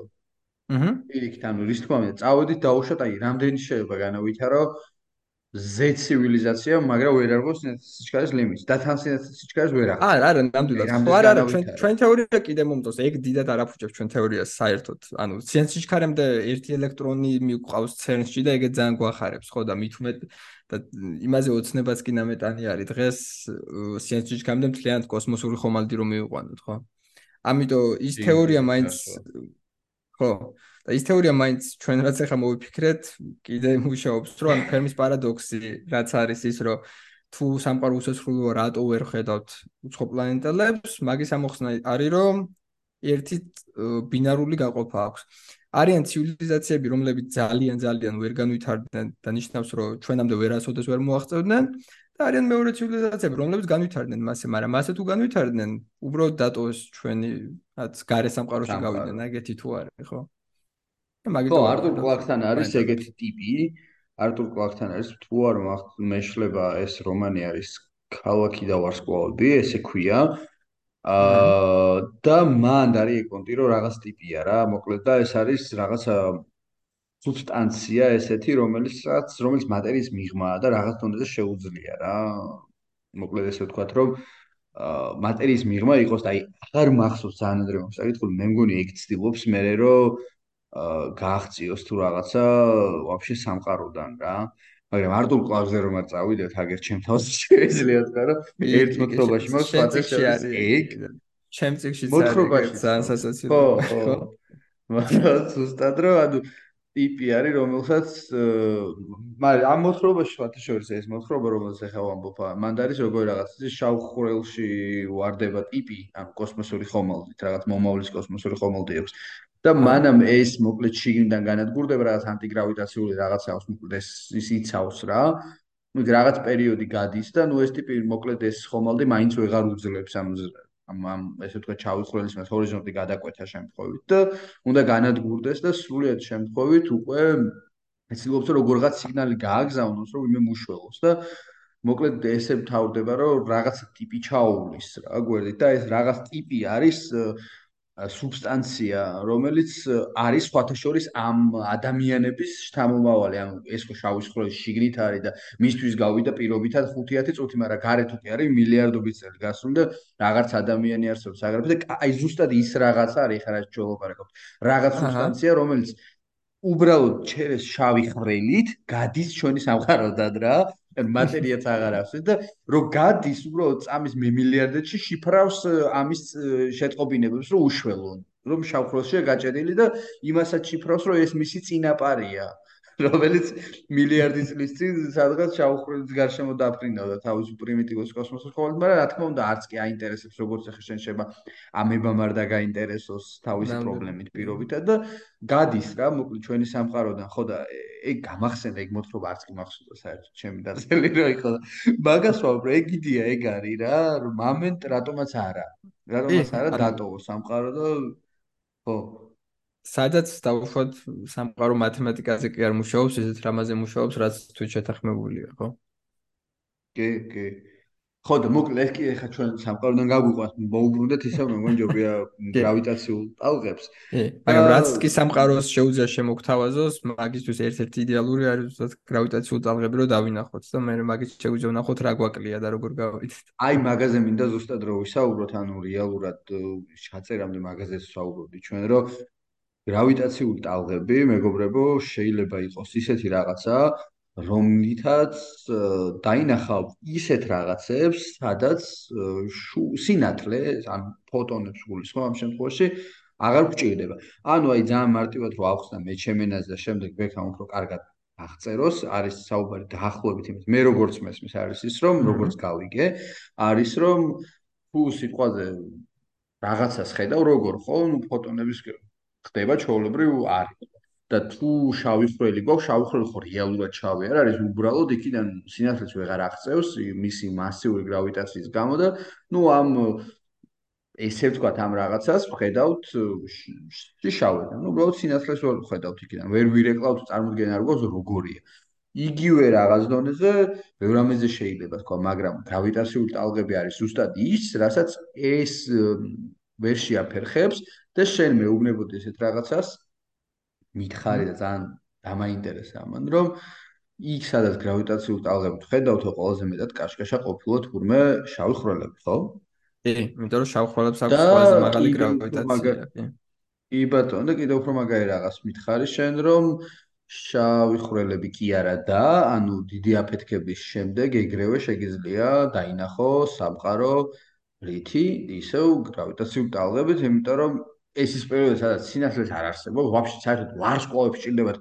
თუ არ მეშლება, მე მგონი 200-300 მილიონი წელი გადის და მე რეჩდება პირველი ვარსკვლავი, ხო, სამყაროში. ვარსკვლავი კი, ну, სინათლე შედარებით ადრე გაჩნდა, მაგრამ მაინც გაჩნდა იმის გამო, რომ სამყარო გაცივდა, იმიტომ სანამ ცხელი იყოს სინათლე, ცხელი იყო ხო სამყარო ეს ფოტონები ხო ეს ფოტონები იყო ჩაჭერილი. ანუ ფოტონი იმის გარდა რომ სინათლე არის ელექტრომაგნიტური იმის გამოსხივება და თავიდან ნეიტრალური არ იყო სამყარო. ატომი ჩემ პრობლემა ესე იგი. უყურე მე არასწორად მესმის უყურე ხედავ. მე მე წარმომედგინა რომ ფოტონებს ანუ ვარსპირველი ვარსკვლავები აჩენენ სინათლეს. მე ესე არა არა ნაწილაკი ფოტონი. არა არა ეგ ეგ გაცილებით მე მოხდა. ანუ თავად ატომი პირველი ატომი რო შეიქმნა ანუ წყალბადის ატომი რო შეიქმნა ერთი ცალი ატომი, მაშინ უკვე გქონდა სინათლე. და ეს სინათლე იყო ფაქტურად ბრჭყალებში უპატრონოდ დარჩენილი ფოტონები. და უპატრონოდ დარჩენილი ფოტონები რა არის? რომ მანამდე მაგ ფოტონების მისია იყო, რომ ელექტრონს და პროტონს შორის გაეცვალა ელექტრომაგნიტური ძალა. მაგისტვის იყო, იმიტომ რომ ნეიტრალური არ იყო. და აი ძალიან ძალიან რო გავაცხელოთ ატომი ხო დაიშლება, როდესაც ვცდილობთ აღშოთ ის გავაკეთოთ ფიუჟენი და ეგენი. და თავიდან სამყარო იმდენად ცხელი იყო, რომ ნუ თავიდან საერთოდ მატერიაზე ვერ ვლაპარაკებთ, ატომები თუ ვერ იქნებოდა. და იქნებოდა იყო მაგიტო დამუხტული პლაზმა. მაგრამ როცა გაცივდა უკვე დაიწყო რეკომბინაცია, აი კოსმოლოგიაში ექვია. და პროტონები და ელექტრონები ერთად შეიკრნენ და გაჩნდნენ ეს ის წყალბადის ატომები. მაგრამ მანამდე პროტონს და ელექტრონს შორის რო წინ და უკან დარბოდნენ ფოტონები, რომლებიც აკეთებდნენ ფაქტურად სიმულაციას ელექტრომაგნიტური ძალის. ეხლა ელექტრომაგნიტური ძალა ისე ძლიერი აღარ იყო, იმიტომ რომ ნეიტრალური იყო ეს ატომები. და ის ფოტონები ფაქტურად დარჩნენ უპატრონოდ, იმიტომ რომ აღარ იყო ის ელექტრონი და პროტონი, რადგან გახსნდნენ ატომები. და ის ის ფოტონები არის ჩვენი პირველი ჩვენი პირველი სინათლე და აი cosmic micro wave background რაც ACMB სამყაროს ყველაზე ადრეული ფოტო არის ეს ზუსტად 300000 წლის მერე იყო მგონი რაც ის გაჩნდა.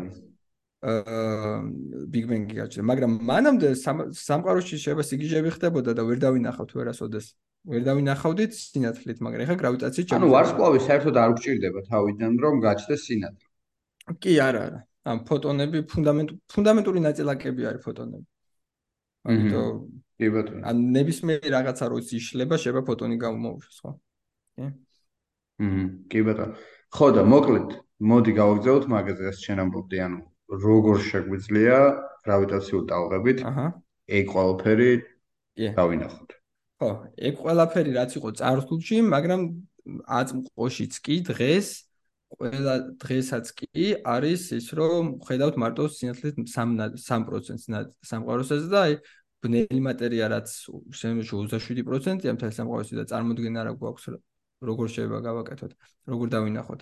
აი მაგის დაახლოებით შეგვიძლია მე აი აი როგორ ვზომავთ ერთი მანამდე ანალოგია რაც მქონდა იყო თუ დავდებთ საათს და გრავიტაციული ტალღა გაივლის დრო დაიწყებს ოსცილაციას იმიტომ დრო სივრცის ოსცილაცია და საათ საათი ხან ძალიან აჩქარდება ხან ძალიან შენელდება.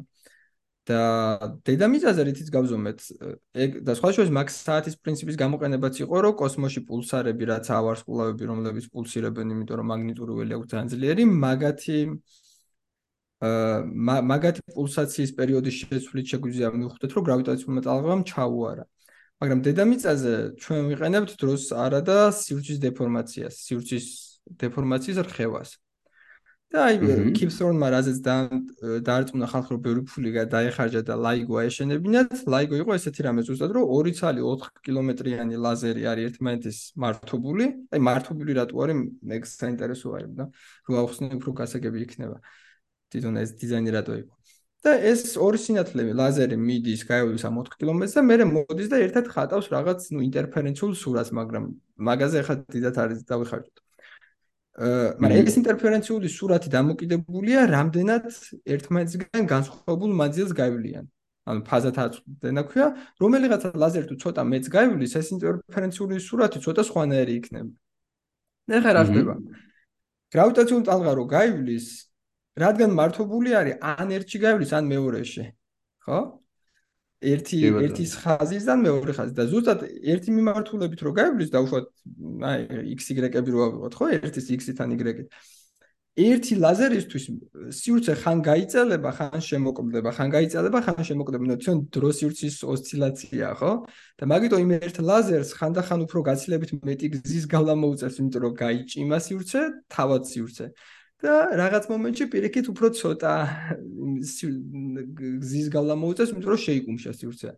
და ეს გრავიტაციული ტალღა რო გაივლის და ეს სივრცე თამაში დაიწყებს, ჩვენ უბრალოდ შევხედავთ ინტერფერენციულ სურათს. ეს ორი ლაზერი რო იკვრება ერთად და ეს ინტერფერენციული სურათის მაქსიმალ ხშირით ითამაშებს. და მასე შევძლებთ გავიგოთ რომ გრავიტაციული ტალღა მოვიდა აქ. მაგრამ ეს ხო კი, მაგრამ ეს შედარებით მარტივად და ჟღერს, იმიტომ რომ გონია რომ ძალიან გაიჩნდება. სიამდვილეში 10 დენა რაც არის, არის 10 ხარისხად -18 მეტრი, რაც არის პროტონზე 1000 ჯერ უფრო პატარა. ან თმის ღერის სისქე, თმის ღერის სისქე რო ავიღოთ, ტრილიონ ჯერ უფრო პატარა მანძილი არის.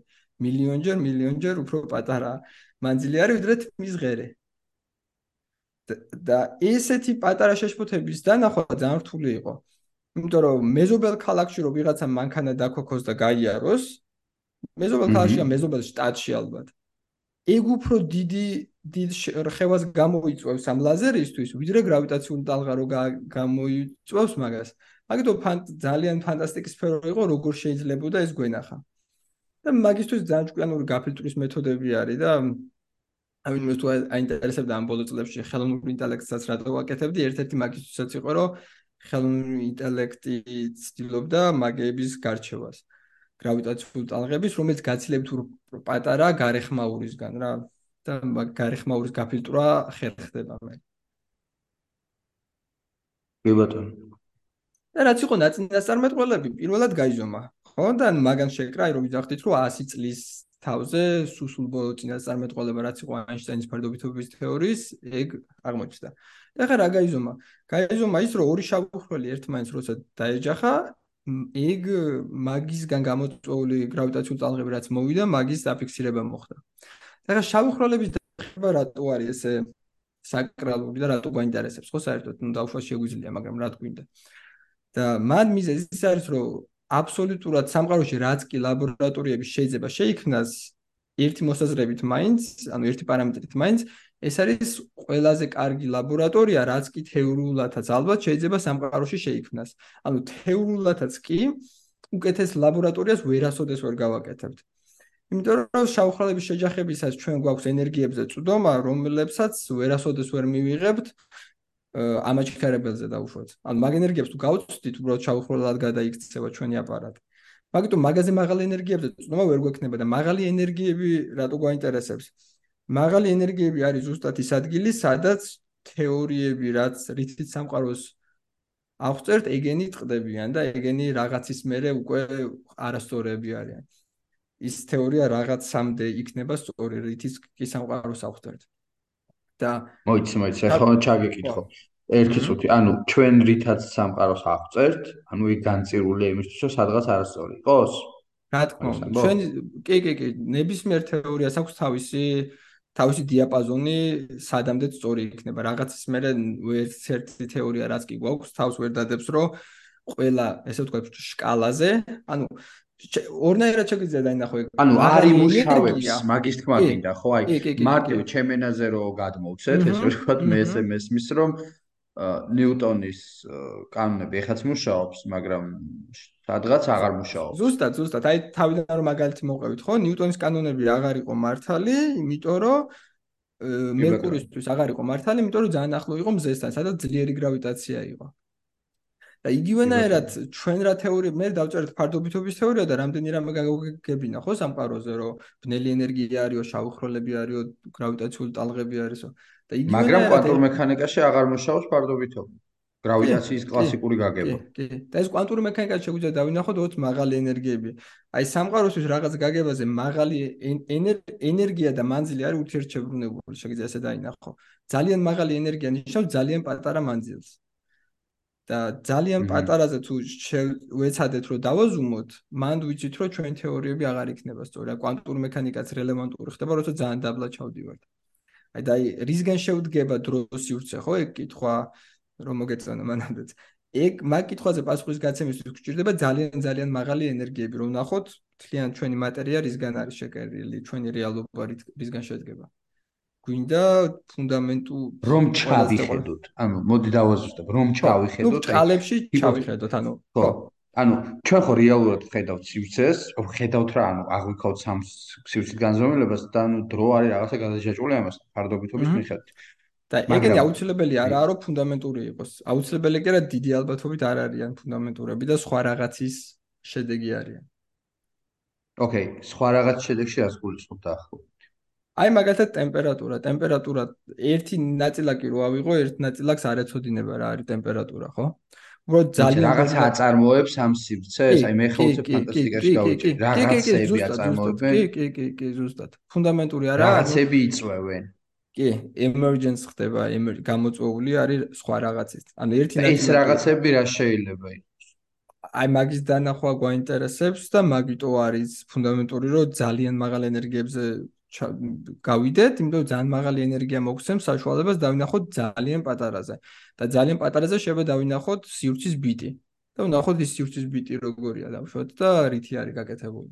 ესე იგი, უყურე, ხა ჩვენ მოყვება მსმენელიც და მინდა რომ ესენი გამოყვნენ, ანუ ესე თქვა. შეიძლება ვიღაცა ისე წინ არის, რომ საერთოდ გვასწრებს კიდევაც არ ვიცი, მაგრამ ნუ basic დონეზე უკვე ამ მომენტში შეიძლება უკვე ვიღაცას გამოერჩი, მობეს და უფესო ვიცი, რაღაცა კაცი ხო, აი, რას ვაპარაკობ. მე ეგო ნანახი მაქვსო, ეგ იცის იმან, ნუ შეიძლება ვიღაცა ვიცი.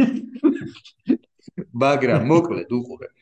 ესე იგი, ეს გრავიტაცია, გრავიტაცია კი არა, გრავიტაციული ტალღა, ანუ პირობითად, ეხლა შეგვიძლია აუყოთ რაღაც სუპერ ინსტრუმენტად, შესაძლებლობად, რომელსაც შესაძლებლობა აქვს, რომ კაცობრიობა, ანუ ჩვენ, გადაგვიყვანოს საერთოდ შემდეგ ეტაპზე. აი, ჯეიმს ვების ტელესკოპს ხო ეძახდნენ, რომ რომ გაუშვით, რომ კაცობრიობის ახალი თვალი კოსმოსში ხო, აი, ფაქტიურად არა, ზუსტად იგივე თვალი არის, ხო, ზუსტად იგივე თვალი არის, უბრალოდ უკეთესი ხარისხით. ჯეიმს ვების ტელესკოპი არის 360 პიქსელიდან რო HD-ში გადართო. ამასთან შედარებით. 360-დან ჯეიმს ვები. კი, კი, უბრალოდ უკეთეს ხარისხში ვნახოთ სამყარო, მეტი არა. და ის, ანუ ეხრაზე ჩვენ საუბრობთ, და მას არ აინტერესებს ეს ეს დონე 360-დან HD-ზე, ხო? ის სხვა არა, ფაქტიურად სხვა, ანუ ეს YouTube-ის ვიდეოზე ხო რო გავაგრძელოთ ანალოგია, ის უყურებს უბრალოდ YouTube-ის ვიდეოს და უბრალოდ ხარისხობს და ხო, და ეს გრავიტაციული ტალღები იღებს ხელს და ფაქტიურად ეკრანში ყოფს და დამატებით სივრცეში ნახულობს იქით რა არის. გაცილებით მეტი მე ჯეიმს ვების ტელესკოპი ნახულობს. ხო. ეს არის idеალური შედარება. აი ხა ყოველფერი დაალაგდა ჩემი აზრით ბევრისთვის, რომ ანუ ეხა რეალურად ამდენს იმიტომ ლაპარაკობთ, რომ საუბრობთ იმ რაღაცაზე, რომელიც ეკრანში აპირებს შევიდეს რა. აი ხა უყურებთ ეკრანს რა, იგი ხო ზოგადად ტექნოლოგიების გამოწვევას ეგარი, რომ რაღაცა გვიჭიროთ და ეხა მქონდა სხვათა შეხსი დაწერა სტატია ტიპი გაიჩნდა, რომ ამბობს, რომ ეკრანები უნდა გავაქროთ რა, მოკლედ რაღაც შემდეგ ეტაპი მოდისო და რაღაც ტექნოლოგიაზე მუშაობდა ეს ტიპი რა. TED Talk-ში იყო გამოდიოდა და აჰა. ამაზე რომ გადმოვიტანოთ კოსმოლოგიაზე და მასშტაბებზე და საერთოდ ეს ეკრანი დავივიწყოთ, ეგ არის, ანუ ჩვენ საუბრობთ იმაზე, რომ შევიხედოთ მართლა რა ხდება სამყაროში, იმიტომ რომ ეს ჯეიმსები უბრალოდ ბრტყელ ეკრანს უყურებს, ხო? კი, ანუ სინათლე რასაც ნახულობდა მანამდე, კი, კი, სინათლე რასაც ნახულობდა მანამდე, იგივენერად ნახულობს, უბრალოდ უფრო უფრო სენსიტიურია, უფრო მეტ ფოტონს დაიჭერს, მაგრამ ფოტონების გარდა სხვა ვერაფერს დაიჭერს. და სამყაროს ფუნდამენტური ნაწილაკები გაცილებით ბევრი აქვს, ანუ ფოტონთან ურთიერთქმედებს რაღაც ნაწილი მარტო სამყაროს, აი რამდენჯერ ხო თქვით 3% მარტო. 3%-ის იქით სამყაროს რაც აქვს ბნელი მატერია, ანუ სტანდარტული მოდელია, ხო? აი სტანდარტული მოდელი არის ფიზიკის პერიოდული პერიოდული მენდელეევის პერიოდული რაცა დაბულა. და ანუ მაგის იქით სხვა ნაწილაკები შეიძლება არსებობდეს. ის ნაწილაკები შეიძლება იყოს ბნელი ენერგია, ბნელი მატერია. ანუ სულ ყველაზე ფუნდამენტები, რისგანაცაა მთელი მატერია აწყობილი მე, ხო? ეგ ყველაფერი სინათლისთვის არის უხილავი, სინათლე არის გამჭვირვალე. აი მე ვილაპარაკებ მაგალითად რომ ზოგი ვარსკვლავი შეიძლება არსებობდეს, რომლებიც არიან ბნელი მატერიის ვარსკვლავები, ან რაღაც სხვა ეგზოტიკური მატერიის ვარსკვლავები, ახალი ნაწილაკები, ახალ ფუნდამენტებისგან. სინათლესთვის გამჭვირვალე იქნება ვარსკვლავები და გაივლიდნენ უბრალოდ და გრავიტაციული ტალღებისთვის უკვე აღარ. კი ბატონო, ანუ მე მქონდა 2015 წლის აა აა 14 სექტემბერს, ანუ როცა მახსოვს, რომ მემორიშიც ამომიგდო რა, Facebook-ს ეს სტატუსი მქონდა, რომ მეთქი, ანუ ეხლა თქო, არავინ არ იცით თქო, რა არისი დადასტურება და აღმოჩენა მოხდა თქო რა და როგორც თავის დროზე თქო რაღაც ელექტროენერგიის არესმო და თქო ეგრე არავის არ ესმის თქო რა და ამას რო წერდი მაშინ მახსოვს ხა ეს ხო 8 წლის წინ ხო? ან ზუსტად არ მახსოვს მართალი გითხრა აა რას უფიქრობდი? მაგრამ მემორიში რომ ამოვიდო ცოტა ხნის წინ მე დავფიქრე მე ესეთი პათეტიკი ხო რამ დამაწერინა თქო და ეხა ეხა მე მგონი აი ამ წამს უფრო კარგად ვიაზრებ. იმ სტატუსს რატო წერდი? შეიძლება იმ წამს ძალიან კარგად ჩაუღრმავდი და მე მე მივივიწყო? ჩემმა თვითონ ზოგადად ეგ ჩემ თვითონ ახასიათებს რაღაცებს ამ სხვა უცებ აა მეცნიერებამაც ცოტა მივიწყასავით მაგითო იყო ახლა. მედია ხო რა იმიტომ რომ იყო ძალიან ბუმი იყო ახლა რა? თქმა უნდა ვისაც ეს რომ იყო პირველი შავი ხროლების შეჯახება მე კიდე შავი ხროლები და რაღაც რაღაც მე თუ 80 შავი ხროლების შეჯახება დაინახეს და თითქოს მობეზდათ და მაგიტო ახალი ფანჯარაც რო შეგვიძლია დავინახოთ აი რაც Journal of High Energy Physics-ში ბოლო სტატია ჩემი რაც გამოაქვეყნა მაგაზე იყო რომ ახალი მართულებებზეც გავახედო დავანახო ხალხს რომ შავი ხროლების გარდა გაცილებით მეტი რამის დანახვა შეგვიძლია.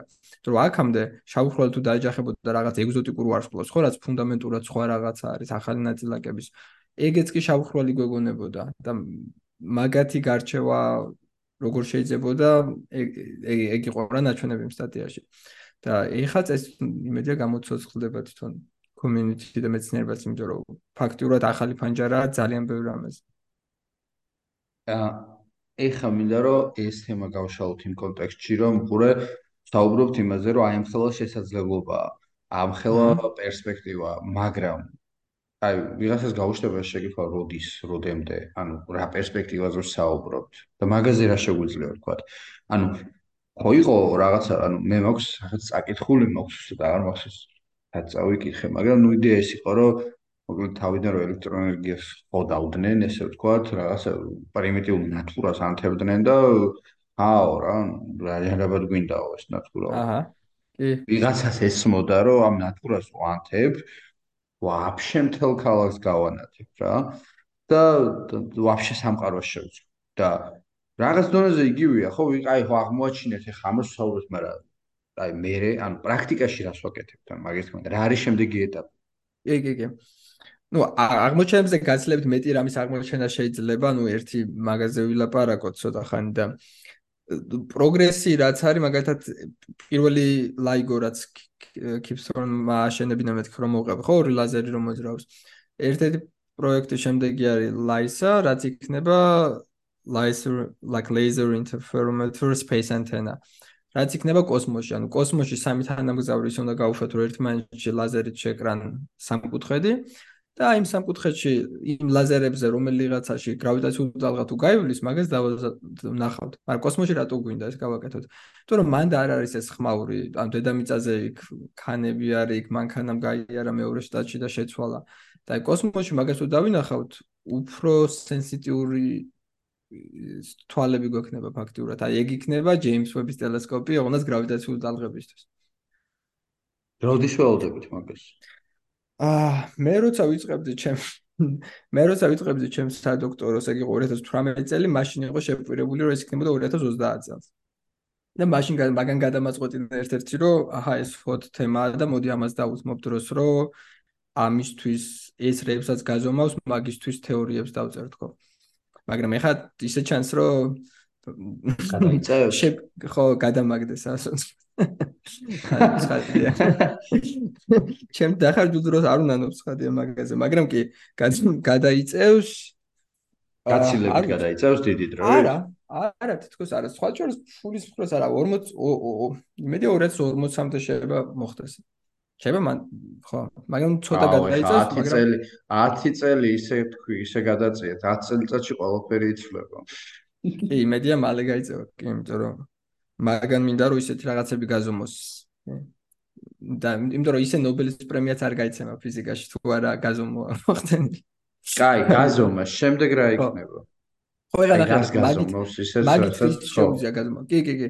აი ჩვენი სამყაროს 3% ხო არის აა ჩვენი სამყაროს 3% ხო არის, იმიტომ რომ მე გავიგე ახლა თქვენი სამყაროსიო და მეთქი უცებ შო თქო. გამოვასწარი გასვლა. გავიდა, გავიდა. დაგტო. ხო აი 3% ხო არის ხო მატერიის და 27% არის ბნელი ბნელი მატერია აი ადრეც ხო გილაპარაკია და საინტერესოა მაგ ბნელი მატერიის თვისებების წაკითხვა შეგვიძლია ამ ახალი ამ ამ ახალი ის რა ქვია ობსერვატორიით რომელიც კოსმოსში იქნება გრავიტაციული ტალღებისთვის და ნუ ამ ახალი მით თეორიით რაც რასაც ახლა დავშოთ მე მიუმატე. იმიტომ რომ მანამდე ჩვენ ზომავდით მარტო შავხროლების დაჯახებას ან ნეიტრონული ვარსკვლავების დაჯახებას. მაგრამ მად ნახე პრობლემა რა არის?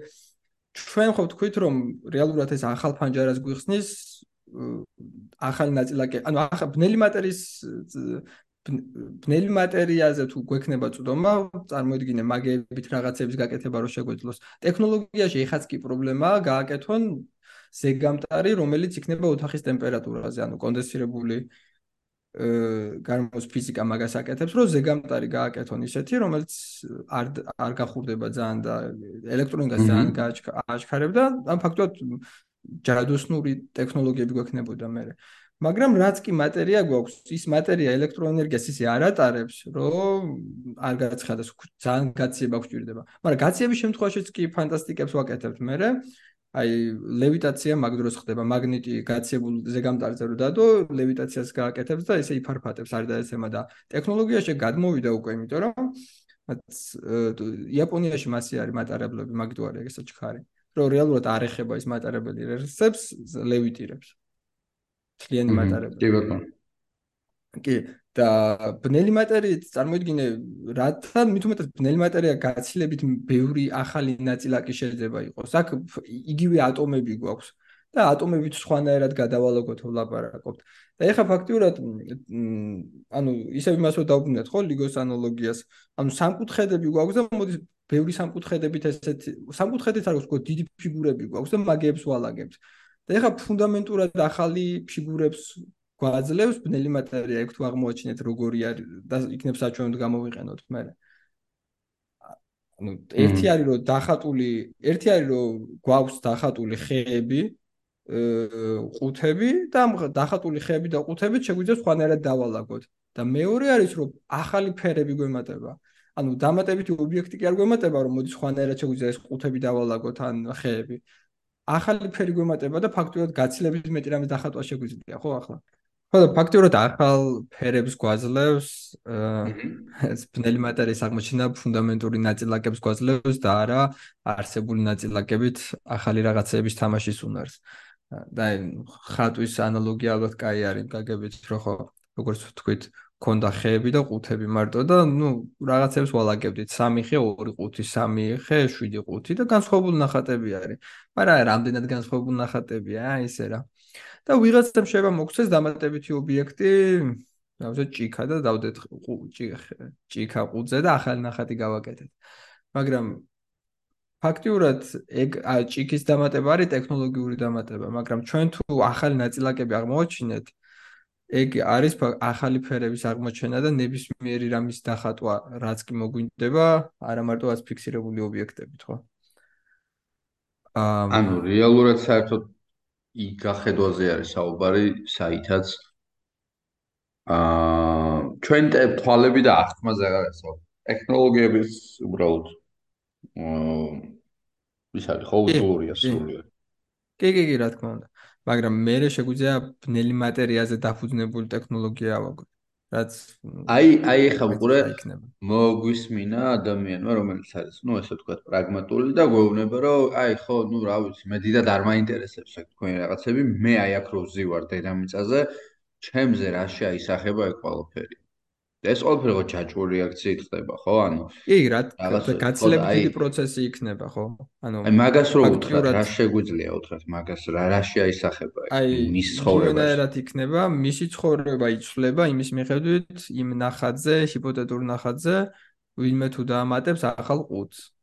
ახალი ყუთი, ახლა ორი ყუთი დგას, ახლა სამი ყუთი და ერთი ხე დგას, ახლა ოთხი ყუთი და ორი ხე დგას. მასე იცვლება, ეგ არის ახალი iPhone-ის გაკეთება, ახალი კამერა, აი ეგეთი რაღაცეების. ხო აი ეგ ეგ ახალი ნაწილაკების დამატება ხო ეხა ყუთებს კი არ დაამატებს ვიღაცა ვინც რაღაცებს ამატებდა იმ ტიპებს ახალ ფუნჯებს მივცემთ ახალ ფერებით. და ახალ ფუნქციას რომ მივცემთ უბრალოდ ყუთს კი არ მიამატებს რასაც რაც გაუხარდება ესეთ რამეს დახატავს ბურთს ან რამეს სხვა ანუ მაგ ხელა პროგრესი იქნება ტექნოლოგიური. იმიტომ რომ აქამდე ჩვენ რეებსაც ვაშენებდით გქონდა ბლოკები სამყაროსი მარტო 3% სამყაროს ფუნდამენტური ბლოკებიდან მარტო 3% გქონდა სათამაშოდ ისიც კი არა. კაცი უფრო ნაკლები. ქონდა რეალურია რომ გრავიტაციული ტალღებით შევეხოთ სერიოზულად ნელ მატერიასა და ბნელ ენერგიას. ბნელ მატერი ბნელ მატერიას კი ანუ ჯერ სულ მინიმუმ გავიგებთ როგორ შეგვიძლია გავიგოთ რისგან შედგება და რა თვისებები აქვს ბნელ მატერიას და რა თეორია არის? სწორი? ანუ ზოგი თეორია არის მაგალითად ჰიპოთეტური ნაწილაკები არის აქსიონები აი მაგაზე მე მგონი უფალი უნდა მოემზადოს და მოვდივართ ხო თუ რა? ნამდვილად ნამდვილად. აი აგის თქვა მომწონს ხომ რაცებზე გაბრაზებზე ღმერთი ანუ ხო ნამდვილად ღმერთის თუ არსებობს უნდა მოემზადოს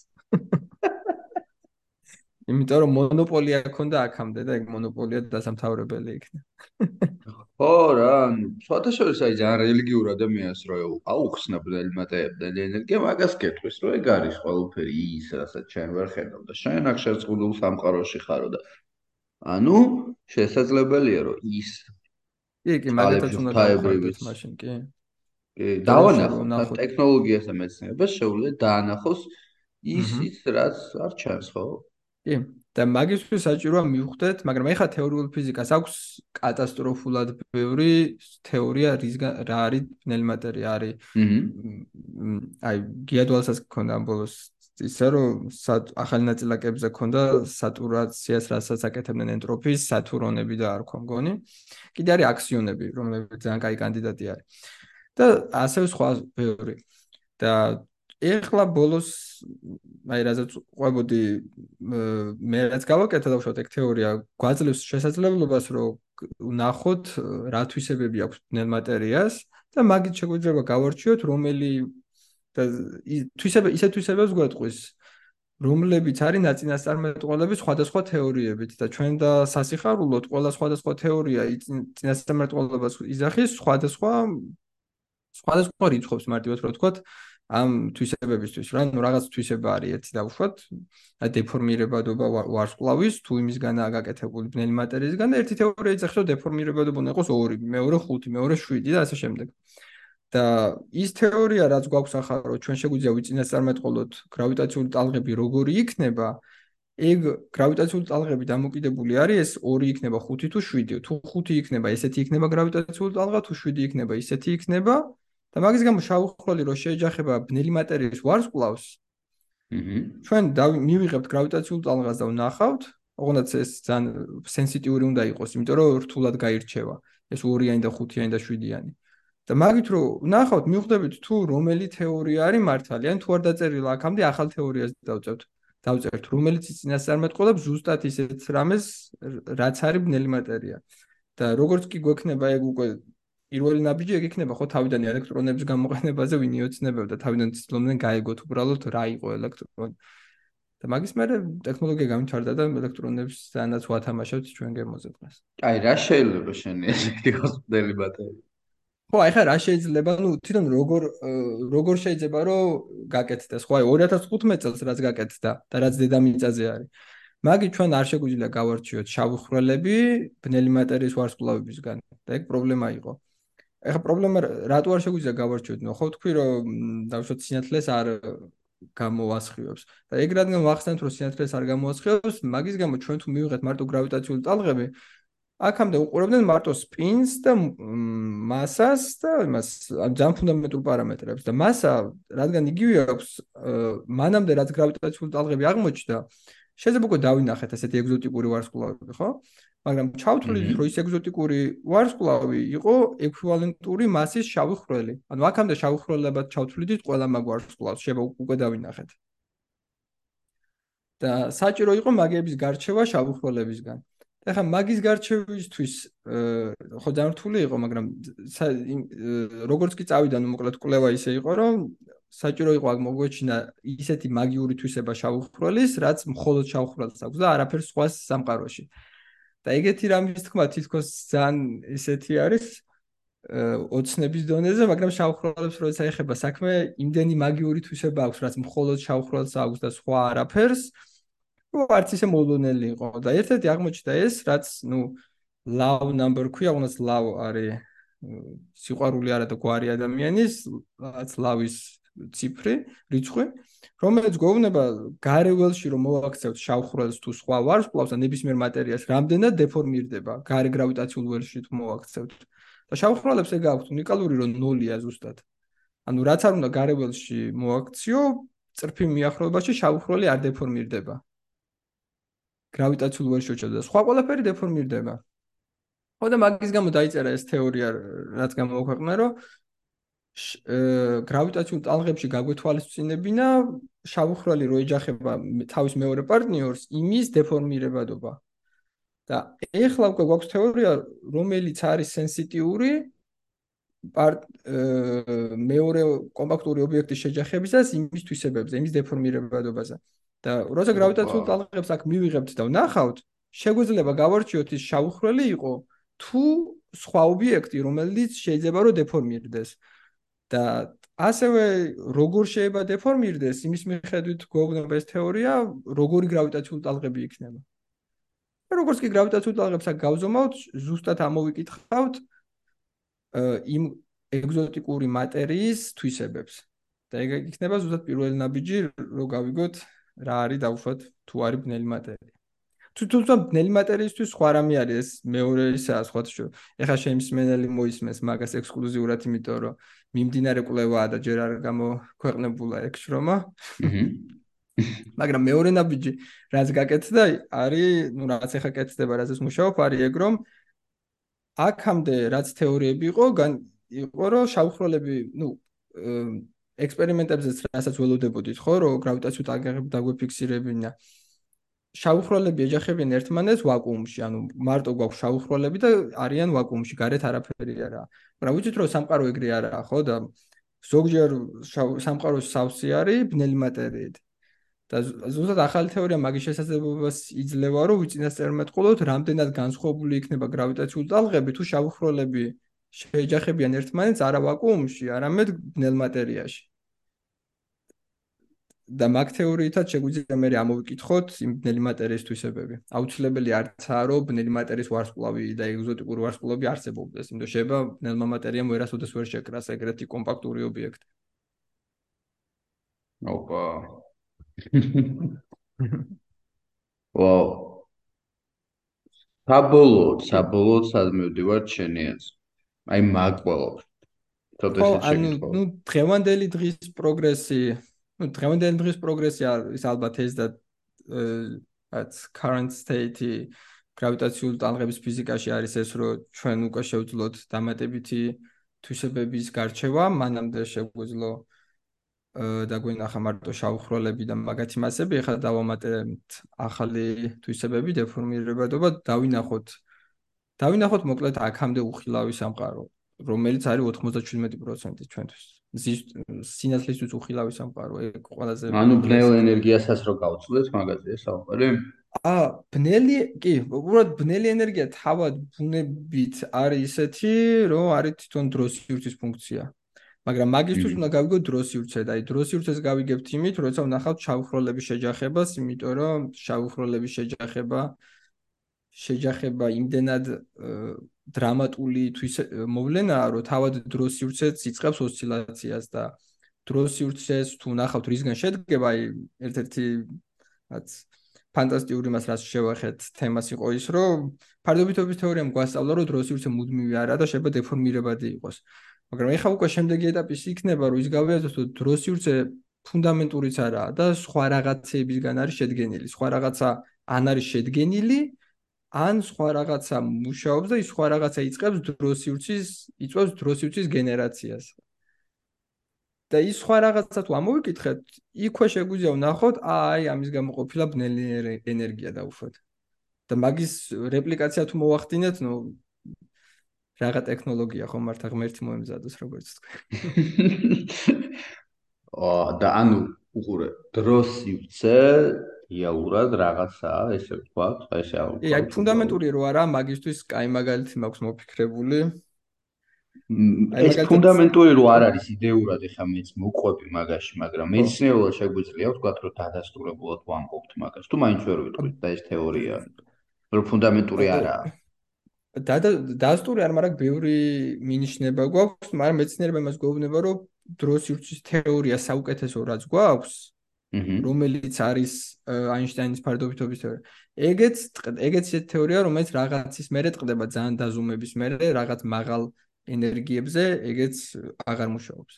მაგალითად კვანტურ მექანიკაც, ანუ ისეთ ენერგიებზე, სადაც კვანტურ მექანიკა უკვე რელევანტური ხდება, ან ფარდობითობის თეორია და კვანტურ მექანიკა ერთად ვერ ცხოვრობენ.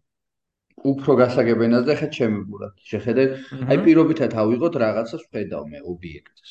ანუ ну, რავი, ბურთი რა, ჩოგრან, ჩოგრის ბურთი. აა ჩოგბურთის ბურთი და ეს ჩოგბურთის ბურთი ხო ხედავ მე ბურთს, მაგრამ მას ხო შემამდგენლობა და ამბეური აქვს და კომპლექსური აქვს. აჰა.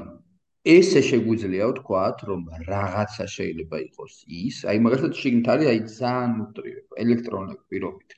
ნაწილაკი ელემენტი. კი, კი, კი, ორი ვარიანტია, ხო? ერთი რომ იგივენაირად შეგვიძლია ვთქვათ, რომ აი სივრცე დრო მე მას აღვიქვავ პირობითად, აგერ ვხედავ სივრცეს აღვიქვავ დროს. და ეხლა მე უნდა ჩავიხედო იმ შემადგენლობაში. რაც საერთოდ ჯამში შეადგენს, ხო, ხო, ხო. ხო. ეს არის ერთი ვარიანტი. კი, კი, კი, კი. ანუ ერთი არის ნუ reductionism რაცა რომ რედუქციული არის თუ არა სამყარო რომ აი მოლეკულები ვიპოვეთ მოლეკულები ატომებისგან კეთდება ყველაფერი ატომებისგან კეთდება ატომები კეთდება თუმცა ეს არ უნდა არ ნიშნავს იმას ანუ ხას გავუსვამ რომ ეს არ ვიგულისხმო რომ ეს ნაწილაკებს ვიპოვით აპრიორი ხო ხვდები რა არა განსხვავებული ხო ნამდვილად განსხვავებული რაღაცებს ნაწილაკები როგორც გვესმის ეგენი აღარ იქნება ნაწილაკიც ვერ ნაწილაკობს უკვე მაგას ქვია ნუ პლანკის სკალა ეს ფაქტორი შეგვიძლია დავინახოთ როგორც ანუ ეგ ისეთი მასშტაბებია სადაც სამყაროს დროსურცის ბიტი შეგვიძლია მაგას დავარქოთ. აი მაგ ენერგიებს ოცო ჩავდივარ თვითონ ნაწილაკიც რო ნაწილაკობდეს აღარ იქნება ანუ შეიძლება იყოს სიმები და ეს სიმების თეორია იწევდეს თუ მართალი არის ელექტრონები რო გამოიყვანოს მე ამ ფოტონები. თუ ეს სამდუში თვითონ ნაწილაკებიც პრობლემური არის. იმიტომ რომ წერტილოვანი ნაწილაკიც არ არსებობს. ეგეც წერტილის ისეთი რამე ხო, ტყუილი არის, მოდელი არის, რომელიც კარგ შედეგებს იძლევა რაღაც დონემდე. მაგრამ ძალიან თუ ვეცადეთ, რომ დავაზუმოთ, ეგენიც აღარ იმუშავებს ხადი. და ეგ არის ერთი ვარიანტი, კი, რომ უბრალოდ შემადგენ რედუქციური იმით დროს ირჩეს სხვა რაღაცეებისგან აგაკეთებული. მაგრამ მეორე ვარიანტი არის, რომ შემოგვიყვეთ რაღაცა იწოს გენერაციას, ან არის emergent თვისება. Emergent არ ვიცი ალბათ ქართულად. რაც არის რაღაცის გამომდინარეობა მაგრამ გამომდინარეობა იმ გაგებით მაგათაც სისველე ერთი ცალი წყლის ატომი რო გაქვს სველი რა არის არ იცი ხო? მაგრამ ძალიან ბევრი მოლეკულა წყლის და ძალიან ბევრი წყლის მოლეკულა თუ გაქვს მე არსაიდან ჩდება ეგ თვისება. ან ტემპერატურა ან ენტროპია. ენტროპია ფერტულისა ტემპერატურა ვიცით რომ ერთი ცალი ნაწილაკი თუ გაქვს ტემპერატურაზე ვერასოდეს ვერ ვილაპარაკებთ მაგრამ რატომღაც ბევრი ნაწილაკი რო არის, უცებ ბრახტა გაჩნდება, აი emerge მაგიტო არის აღმოცენება ალბათ. ტემპერატურა და ცნობიერება, ცნობიერება ძალიან კაი მაგალითი არის. emergence ალბათ მე დაუძახებთ ესეთ რამეს, ბევრი დებილი რაღაცის ერთობლიობა რაღაც ჭკვიანურს როცა ქმნის, რაღაც სხვას, რაც იმათში არისო. ცნობიერება თითოეულ ატომში. ხო, ხო, აი. იმიტომ რომ ეგეც ისეთი არის, საიდან მოდის, არ საიდან მოდის თითქოს. იმიტომ რომ ერთი ცალი ელექტრონი არაა ცნობიერი, ერთი ცალი ატომი არაა ელექტრონი. უცებ ატომებს ვალაგებთ 1 2 7 და ვიღაცა მეტყვის რა რის მერე გაჩნდება ცნობიერება, რიცხვი მითხარი რაცა მე მილიონ 700-ზე თუ მე და მაგის პასუხის არ გვაქვს, მაგრამ რაღაციდან მაგიურად ჩდება ეგ ცნობიერება. ხო? რაღაც ვიდეოს ვიყიდი მე ზუსტად, ბოდიში რომ გაწყვეტინებ და მანდ იყო ზუსტად მაგაზე საუბარი. აი მე ვისაუბრობ და მაგას როდესაც ნეირომეცნიერი იყო. მაგას ამბობს ზუსტად რომ ამ ნაწილაკებზე საუბრობს რა ელექტრონები ავიღოთო და სხვადასხვა ნაწილაკებიო რა. რომლებისგანაც რაღაც დონეზე ხო შედგება ჩვენ და ტვინი შედგება.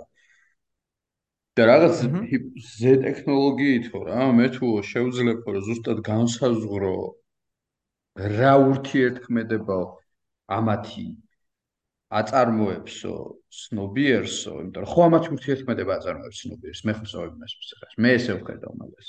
ა კი, მაგრამ მანდაც ეგა, აი რედუქცი რედუქციონიზმ რა არის, რომ დაყოფა ეს ამისგან კეთდება, ეს ამისგან კეთდება. ცნობიერებაც ისეთი თვისებაა, რომ არ შეგვიძლია ეგრეთ დავყოთ. ანუ ეგ ეგრეთ მაგიტო არის პარადოქსი. ხო, მაგრამ რატომ არა უყურე? თუ შენ ძალიან აკონტროლებ ამ ტექნოლოგიურ დონეზე, ამ შენ შეგიძლია თქვა, რომ ზუსტად აი ეს კომბინაცია ამათი, აი და მივიღე ცნობიერი. არა? ზოგ ხო და მაგაში შემაზე, ნუ ბევრ ამაზე არ უჩვით ეს პასუხი, ამ ბევრ ამაზე არის რომ უბრალოდ ბევრს ერთად რო დავალაგებთ, ქაოტურად ახალი თვისებები აღმოცენდება არსაიდან. კი ბატონო. შეიძლება ხო და ხო რას ამბობდი? მეცნიერის იდეა რა იყო?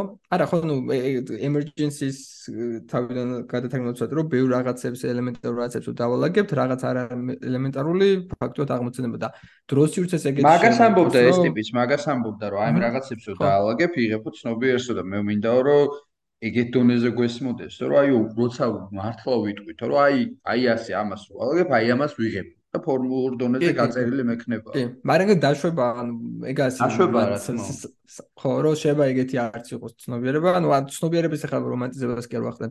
ტემპერატურაც დავშვე, ტემპერატურაც ეგეთი რამე არის, ან ენტროპია, რომ არა რედუქციონ reductionable, არა დაყვანადი რაღაცეებს. უბრალოდ ბევრ რაღაცას რო შეკრავ, მე აღმოცენდი. აჰა. ხო, მაგრამ ამ რაღაცების შეკვრაც ხომ შეგიძლია განსაზღვრო. აა აი აი იმაზე არის ხო აი ატომებზე არის მოლეკულა ვიცით რომ ატომებისგან შედგება და მან შეგვიძლია გავწეროთ ზუსტად რა როგორ შედგება. მაგრამ ზოგი თვისებები არის რომ უბრალოდ აღმოჩნდება რომ ბევრი იმიტომ რომ ბევრი სულელურმა რაღაცამ შეიძლება ერთი რაღაც გააკეთოს ჭკვიანური. ოღონდ არა ინჟინერული გაგებით რომ ამან ეს შეკრა, ამან ეს შეკრა, ანუ ეს გაყვანადი შეიძლება არ იყოს ეგ ხიდი. და გაყვანადი არ იყოს იმ გაგებით კი არ ვიძახი რომ ჩვენ საერთოდ ჭკვიანები ვერ ვიქნებით და ვერ დავინახავთ მაგ გზებს.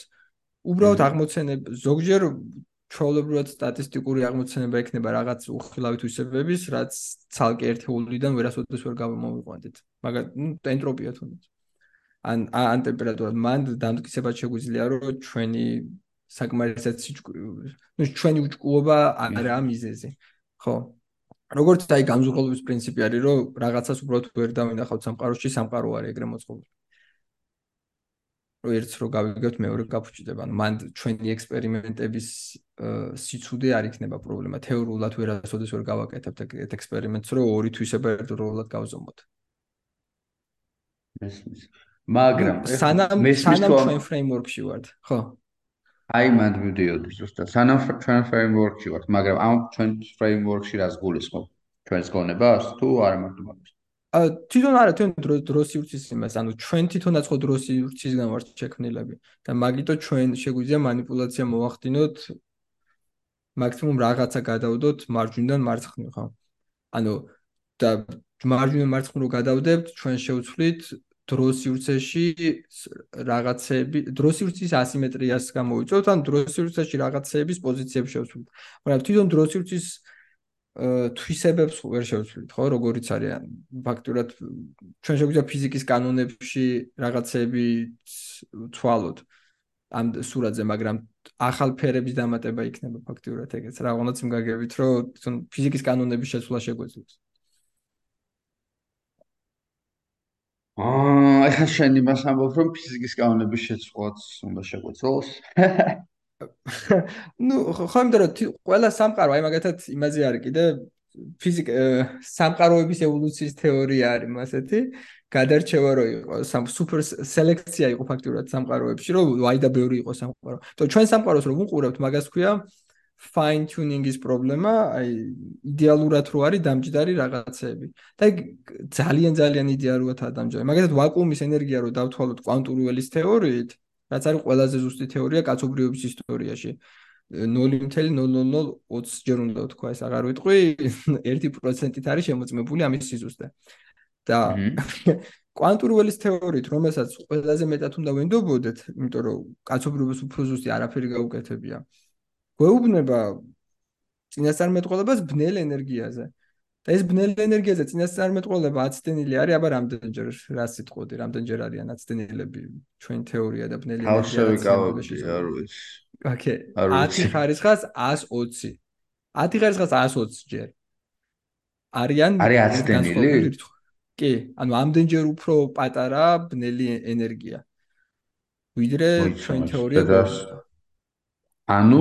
ანუ ან ჩვენ თეორია გვეუბნება რომ გაცილებით უფრო ძლიერი უნდა იყოს ბნელი ენერგია. მაგრამ ეს რაზე გამახსენდა რომ მაგ შემთხვევაში ეგ რო იყოს სწორი. სამყარო ძალიან მალე გაფართოვებდა მთელი სამყაროს ამბავი იქნებოდა წამის მეტრილიარდებში მორჩებოდა სანამ ატომებიც არ დაიშლებოდა ისე გააფართოვებდა ბნელი ენერგია. მოიცა მოიცა ანუ რა გამოდის? რომ მაგდენი არ არის ბნელი ენერგია გაცილებით სუსტი არის, ძალიან სუსტი არის. ანუ კი ვიძახი რომ მთლიანი სამყაროს 70% არის. მაგრამ 70% არის უბრალოდ ყველა მთლიანად დროს ივრცის ყველა უჯრედში არის ზის. ხო და ერთეულად სიმკვრივე რაც არის ძალიან ძლიერი არა, მაგალითად მზის სისტემაში მზის გრავიტაცია უფრო ძლიერია ვიდრე ბნელი ენერგია, ხო? ხო, ბევრი ერთად რო იკრუება galaktikებს შორის მანძილი დაუშვათ, მაგიტო ახდენს galaktikების დაშორებას. და მზის სისტემაში მზის გრავიტაცია ჯობნის ბნელ ენერგიას და მაგიტო დედამიწადამზე არ ფართოდ არ შორდებიან ერთმანეთს. და შემდგომში ძალიან სუსტი არის ბნელი ენერგია, უბრალოდ ძალიან ბევრი არის და მაგიტო გამოდის, რომ სამყაროს ენერგეტიკული აა სუსტია, მაგრამ ბევრია. კი. კი, კი, კი. მაგრამ ჩვენ კვანტური ველის თეორია გვეუბნება, რომ უნდა იყოს გაცილებით ძლიერი 10 ხარისხას 120 ჯერ, ანუ 120 ნული რომ უნდა დავწერო. უფრო მე ან მაგდენ მასეთ შედარებით ბაცკირთული არის, ხო, ანუ რამდენად აცდენილი არის. და ეს აცდენა რატო? ხო, აცდენა არის რომ ეს ბნელი ერთ-ერთი ბევრი მოდელი არის მაგის, ერთი არის რომ მაგათაც სუპერსიმეტრია ვისაც გავიგე სუპერსიმეტრიის იდეა იყო რომ ყველა ნაწილაკებს აქვს პარტნიორები, სუპერპარტნიორები და ეს პარტნიორები რო აკეთებენ ასევე ну მაგათ ვაკუუმის პოლარიზაცია არსებობს ეგეთი რამე რომ ვაკუუმში არაფერი კი არაა, მაგრამ სამყაროში ყველაფერი ხდება, რაც კი არაა ფიზიკის კანონებით აკრძალული. უბრალოდ ხდება განსხვავებული ალბათობებით თან ერთდროულად სუპერპოზიცია ფაქტორად მოვლენების როგორც სპინზე ვიძახდით ხო პლუსი და მინუსი არის მაგრამ სიამოვნებაში ერთდროულადაა ისე მოვლენების კი ერთდროულად ხდება ანუ სუპერ სამყაროს შეიძლება ისეთი სამყაროს ტალღო ფუნქციას შეიძლება ორი ისეთი სუპერპოზიცია აქვს სადაც ჰიტლერმა მოიგომი და სადაც ჰიტლერმა წააგომი და აი პარალელურ სამყაროებზეც ზოგჯერ მაგით დაობენ ხოლმე. და ჩვენ ვხედავთ კონკრეტული მას მაგრამ ერთ-ერთი რადგან სამყაროში ყველაფერი ხდება რაც არაა ფიზიკის კანონებით აკრძალული, ვაკუუმიდან შეიძლება რომ შეიქმნას ნაწილაკი და ანტინაწილაკი სულ არაფრიდან და მე ერთმანეთის ამ ანიჰილაცია გაახკეთონ. ანუ შეიქმნებიან და გაქრებიან ისა. და ეს კი, ანუ რა ვაკუუმის როგორია ვაკუუმი არის ყველაზე არა ყველაზე არაცარიელი ადგილი არის რაც კი წარმოგვიდგენია სინამდვილეს. შემდგომში ვაკუუმი დუხს. იმიტომ რომ იქნებიან ნაწილაკები და მე რჩდებიან. ანუ ელექტრონი და პოზიტრონი შეიქმნენ. რაღაც მომენტში ცხოვრეს, მე ერთად ერთმანეთს დაეჯახნენ და გაქრნენ. და ეს ძალიან ძალიან ცუდი დრო ავარჩიეთ, ბოდიში რომ გაწყვეტებ. აი მსმენელთას მინდა უთხრა, ძალიან ცუდი დრო ავარჩიეთ კონკრეტული პოდკასტისთვის, ჩემთვის პირადად, იმიტომ რომ ახლა აა ბექასთან არის რომელი საათი მითხარ? 5 დღის. ეხა ხდება, ეხა ხდება 8, ჩემ მეც არ ველოდი, ანუ მაგ დაგეგმვა. ხო. ხო ჩემთან არის მეგობრებო თბილისში? კი კი კი. არის 4 საათი და ისეთ რაღაცებზე ვაპარაკობ მოკლედ რომ აი სადღაც და აი მოყვევი მოყვევი და სადღაც ფეხი მრჩება ხოლმე უკან. ხო არა ხო რეალურად 1 საათიანს ვაპირებდით ხო და თავიდან ისე შევყევით ჩაწერამდე ლაპარაკს ო ეგამოვიდა ცალკე 2 საათი და უკვე 4 საათი გამოგვივიდა კი დავდივოთ ხო. აა რა საერთოდ მაგრამ ნუ აი მაგას შევამოკლებ მაშინ რასაც ვიძახდი, ანუ ძალიან კაი დამთხოვაა თქო და რეალურად ეგ რა მაგ რაღაცის დაკენსელება ხდება რა, მაგ რაღაცას 10 ხარისხად 120 რაც უნდა ყოფილიყო ეს ვაკუუმი რო იწვევს, ხო, ამას თვით ვაკუუმის ენერგია ქვია მაგას. ეგ ბათილდება სხვა რაღაცით. და წარმოიდგინე 10 ხარისხად 120 ძალიან ძალიან დიდი რიცხვი რო ბათილდება, მან გონია რომ ან თუ გაბათილდება სრულად გაბათილდება და 0 იქნება რადგან მიზეზი იქნება და თუ არ გაბათილდება იქნება რავი 10 ხარისხად 37 რაღაცა. მაგრამ რაღა 10 ხარისხად 120 რაღაც სხვა რაღაც ისი აკლდება რომ ზუსტად ერთიანი რჩება. და ის ერთიანი არის ბნელი ენერგია და ეგ უფრო სიკე 0 რო რჩებოდეს არ იქნებოდა ხო პროტესტი რომ რატომღაც დაუშვათ სარკულის სიმეტრია აქვს და რაღაც. მაგრამ არ არჩება ის ერთიანი. ხო და მაგიტო მაგაზე არის თეორიები რომ უბრალოდ ბევრი სამყარო გაკეთდა იქნებ და რომელიღაც სამყაროში კარგად დაემთხვა ბნელი ენერგია, გრავიტაციის მუდმივა სინთეზის სიჩქარე, ანუ სხვა სამყაროში შეიძლება სხვანაირი სინთეზის სიჩქარე იყო, ან გრავიტაცია ძალიან ძლიერი იყო. გრავიტაცია თუ ძალიან ძლიერი იყო, სიცოცხლე კი არ გაჩნდებოდა და ესეც საინტერესო უბრალოდ ჩაუხროლები იქნებოდა ძალიან უიმალე. გრავიტაცია თუ ოდნავ სუსტი იქნებოდა, აი ძალიანაც არ ვიცი, ძალიან პატარა, ფაქტობრივად 0.001% უფრო ძლიერი ყოფილიყო გრავიტაცია, ეხლა მარტო ჩაუხროლები იქნებოდა სამყაროში და არაფერი სხვა. და გრავიტაცია რო წკიბზე ყოფილიყო გაცილებით უფრო სუსტი, ისევ 0.001%-ით სუსტი. ერთი ატომიც კი არ შეიკრებოდა და ყველაფერი გაშლილი იქნებოდა. მაგიტომ მაგაგებით ძალიან განსაკუთრებულ სამყაროში ვცხოვრობთ.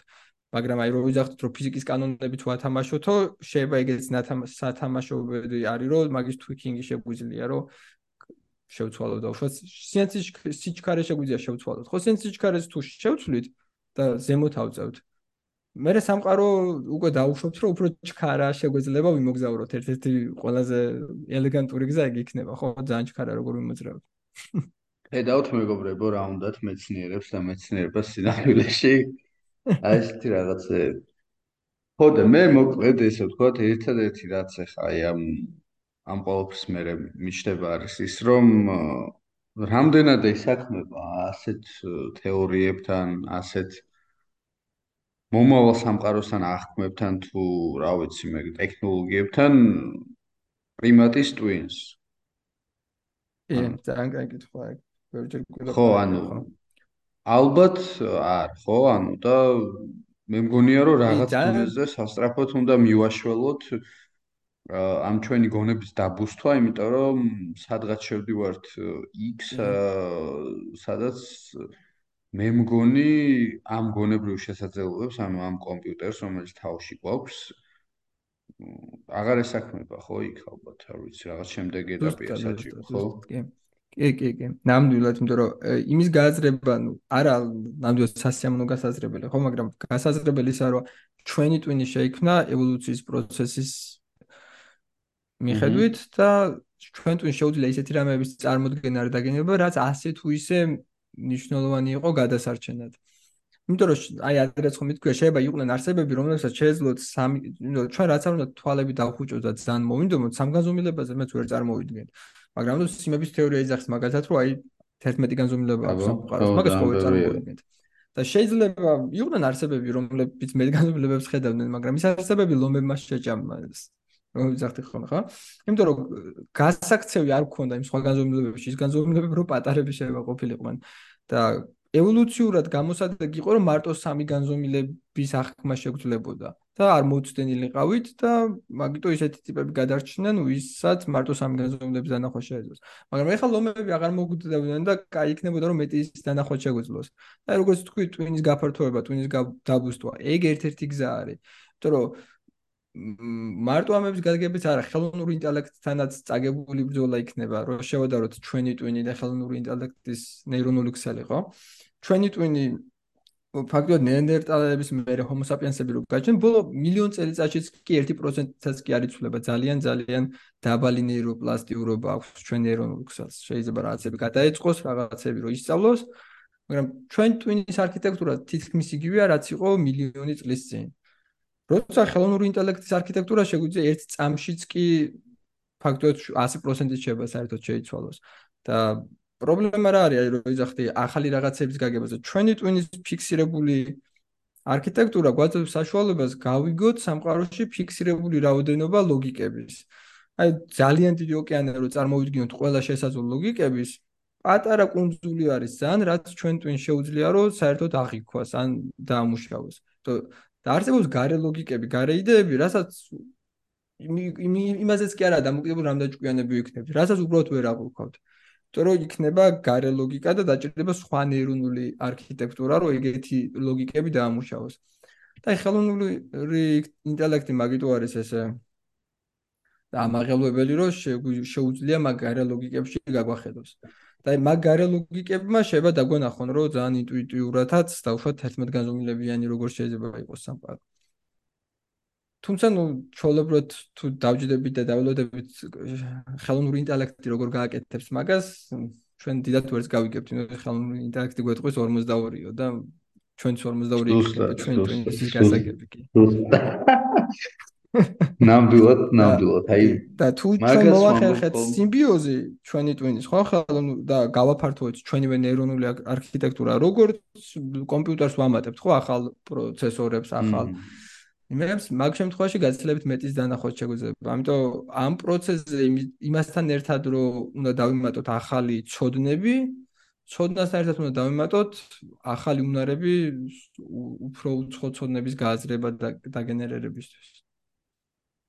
ხო, ანუ ეგ არის რეალურად ერთადერთი გამოსავალი, რაც შეიძლება იყოს, იმიტომ რომ თუ მაგას არ აკეთებ, რეალურად ჩები იქ სადაც ხარ და მაშინ ყველაფერი რაც გაკეთდა, რისთვის გაკეთდა, ხო, ეგეც ეგეც ჩდება, ხო, ეგეთი შეკითხვაც, ხო, ანუ იმ პრიმიტიული აღქმიდან, საიდანაც. საერთოდ სიცოცხლე ხო? აი მე არ მიყვარს რა ეს ადამიანიდან როიწება და ადამიანით რომ თავდება აღქმა. ხო ადამიანამდეც ხო იყო რაღაცა sapiens, homo sapiens-ამდეც ხო იყო რაღაცა. და ისიც აღიქვავდა სამყაროს, ეს რა ვიცი, გაჩნდა სიცოცხლე და დაიწყო რაღაც ციკლი და ну homo sapiens-ი რას არის? არის დაახლოებით 200000 წელია და ну საინტერესო ცალკე ის კიდე ის არის რომ ზოგადად ეს ადამიანის სხვადასხვა სახეობები ერთდროულად არსებობდნენ სამწუხაროდ მარტო homo sapiens დარჩა. მაგრამ გვაქვს ნეანდერტალელების რაღაც გენი გვაქვს ხოთა შორის.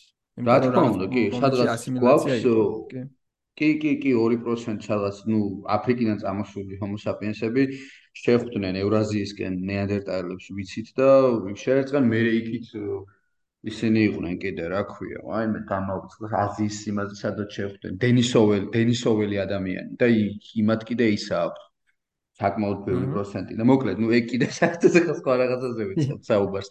მაგრამ იდეა მოკლედ ის არის რომ სასწრაფოდ ჭირდება ჩემი აზრით. რაღაც დონეზე დააპდეითება თორე უკვე სასწაული არის უკვე სასწაული არის იმიტომ რომ ტვინი რომელიც შეიქმნა იმისთვის რომ გაქცეულიყო კატებს რომლებიც ჭამდნენ ჯუნგლებში და იმისთვის რომ ეპოვა საჭმელი ეხლა აკეთებს კოსმოსურ სადგურს. ეხლა გე წინა საუკუნეში გააკეთა კოსმოსური საერთაშორისო სადგური. ეხლა ცდილობს გაიგოს რისგან შედგება. ანუ ისიც არა ხო აი ის ნათქვამი რო არის ატომები ცდილობენ გაიგონ რა არის ატომები. ეხლა ატომები ვცდილობთ გავიგოთ. ატომები კი არა ელექტრონები კი არა კვარკები კი არა. თავად დროსიურცის მატერია დროსიურცერისგან შედგება და ან ჩვენს მიღმა რაც არის ესე ვთქვათ იმის გაგებას ცდილობს რაღაცა რაც იმის მიღმა. შეგვიძლია დავარქვათ იმ გაგებით რომ ჩვენ ვართ ფაქტიურად, ანუ ჩვენს დროსიურცის ბლოკებით ვართ ხო აწყობილი და მაგ ბლოკების ქვემოთ რაცაა დაუშვათ ხო, რაც გენერაციას იწყებს ეგრე რომ ვთქვა დროსიურცის, მაგის დანახვაზე გვაქვს პრეტენზია, იმიტომ რომ მაგ და ეგ როგორ უნდა გავაკეთოთ? უნდა მივიღოთ წინააღმდეგობა. აინშტაინმა როგორ აინშტაინმა როგორ ამოხსნა?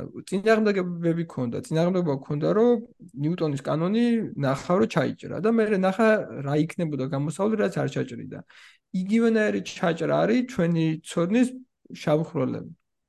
მაგიტო არის, რომ თეორიულ ფიზიკოსებს ყოველას უყურს შავხროლები. არა, მხოლოდ იმიტომ, რომ არის ძალიან სადაც იჭრები სადაც ფანტასტიკურია მე რაღაც ახალს აკეთებ კი. მანდარის ახალი რამეების აღმოჩენა ზუსტად.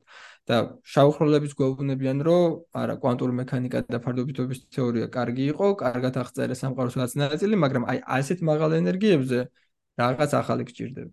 და ეს რაღაც ახალი შეიძლება ის იყოს რომ დრო სივრცის როგორც ფუნდამენტური ბლოკების გადაყრა მოგვიწიოს და ახალი მის აღმოჩენა მოახერხოთ. აი ამიტომ უნდა ამიტომ საუბრობ ხოლმე მეც თამდილად ყოველთვის რომ რაღაც დონეზე უნდა დავშვიდობოთ იმ გონებას რაც გვაქვს. არ ვიცი, ამაზე ალბათ შეგვიძლია ხა ჩვენ უსასრულოდ ვისაუბროთ, მათ შორის მე ალბათ ეს უკვე გვანდომებს ახლა რომ გადავიდეთ ხელოვნურ ინტელექტზე. და ვისაუბროთ იმაზე, რომ რა შეუძლია ამას. ხო, ციფრულ ზუსტად. რაც აუცილებლად ვისაუბრებთ, მაგრამ იქნება შემდეგში ალბათ. კი, ტიზერი გამოგვივიდა ბოლოსკენ. ხო, ნამდვილად, ნამდვილად. თან ფაქტიურად ტიზერი და ესეც მთლიანი პოდკასტის მოტივაციაც, რომ აუცილებლად კი, კი, იმიტომ რომ ესე ესეთი რაღაც გამოვიდა, რომ მანამ დავიწყებდით ჩაწერას, ბოლო მომენტამდე უცებ რაღაც დავიწყეთ ფიქრი, რომ საერთოდ მოდი ხელოვნური ინტელექტზე ხო არ ვისაუბროთ იმ კონტექსტში, რაც ეხავს საუბრობთ ბოლოს, რომ როგორ შეიძლება ადამიანი ხელოვნური ინტელექტი რამდენად შეიძლება საფრთხე იყოს ან არასაფრთხე იყოს, არამედ იყოს რაღაცა ახლის მომცემი და მოკლედ რომ სამყარო აღვიქვათ ისე, როგორც ვერ აღვიქვათ ეხლა და ამან შეიძლება საბოლოო ჯამში მოიტანოს უკდავებს. მოკლედ ძალიან ბევრი რაღაცა რაც აუცილებლად ვისაუბრეთ, მაგრამ ვისაუბრეთ შემდეგზე, იმიტომ რომ საბოლოოდ გადავწყვეტ რომ მაინც მოგვეცვა ეს გრავიტაციული ტალღები, და მე მგონია რომ ძალიან კარგი იყო ეს, იმიტომ რომ ჩემი აზრით ერთ-ერთი ყველაზე ინფორმატიული იყო პირადად ჩემთვის ეს. მიუხედავად იმისა, რომ რაღაცები იყო რაც გამიჭირდა რომ გამეგო და ეგ ჩემთვის კარგია. როგორც შენ თქვი, შავი ხრელები და ზოგადად ის სადაც იჭრები, იმით უნდა გაიგო რაღაც ახალი. ჩემთვის ეგ იყო ნამდვილად, ნამდვილად. რაღაც რაღაცები ახალი გავიგე. რა ვიცი, მადლობა მოკლედ შენ. როცა ვიჭრებით, მაშინ სწავლობს კი, მადლობა შენც. ნაკლამაზის მითაც მიომატებს. როცა ვიჭრებით, მაშინ სწავლობს ტვინიც. ხათშოს არც ცოტა ხნის წინ აღმოჩენს ეგნერო მეცნიერებმა, რომ შეცდომები გვჭირდება, იმიტომ რომ ნეიროპლასტიურობა გავა გავააქტიუროთ. თორე იმ სხვანაირად ტვინი უბრალოდ არც მოინდომებს გონია. შეცდომა თუ ვერ ნახა ტვინმა არაფრის გადაჯაჭვა სხვანაირად ნეირონების არც კი მომდება, мотиваცია არ ექნება. ამიტომ შეცდომები არის გზა პროგრესისკენ. ჩვენი ჩვენი მე მგონია რომ იდეალური დასასრული გვაქვს ამ თემის და მადლობა მოკლედ კიდევ ერთხელ შენ მოიყავი ჩვენთან და ესეც ან ცენტრს რაღაცებს რო ვლაპარაკეთ და მადლობა იმას ვინც მოგვისმინა და მე დარწმუნებული ვარ ვინც მოგვისმინა როგორც მინიმუმ ეს ყველაფერი მოეწონა, დაინტერესა და ალბათ რა ვიცი, ბევრს გაუზიარებს ამ ინფორმაციას. მე მგონია რომ ზოგადად ეს ინფორმაცია ეს არის ის რაც უნდა ვილაპარაკოთ. ეს ადამიანებმა რომ მაქსიმალურად ბევრს დავაინტერესოთ ეს, იმიტომ რომ შევიცვალოთ და გავიგოთ ის თუ სად ვართ რეალურად. ეს ყველა საინტერესო ალბათ. მადლობა კიდევ ერთხელ და რა ვიცი, დაგემშვიდობები მომავალ შეხვედრამდე და მომავალ ზესთვის, მომავალ შეხვედრისათვის ეგეც ვიცი. აა, მადლობა.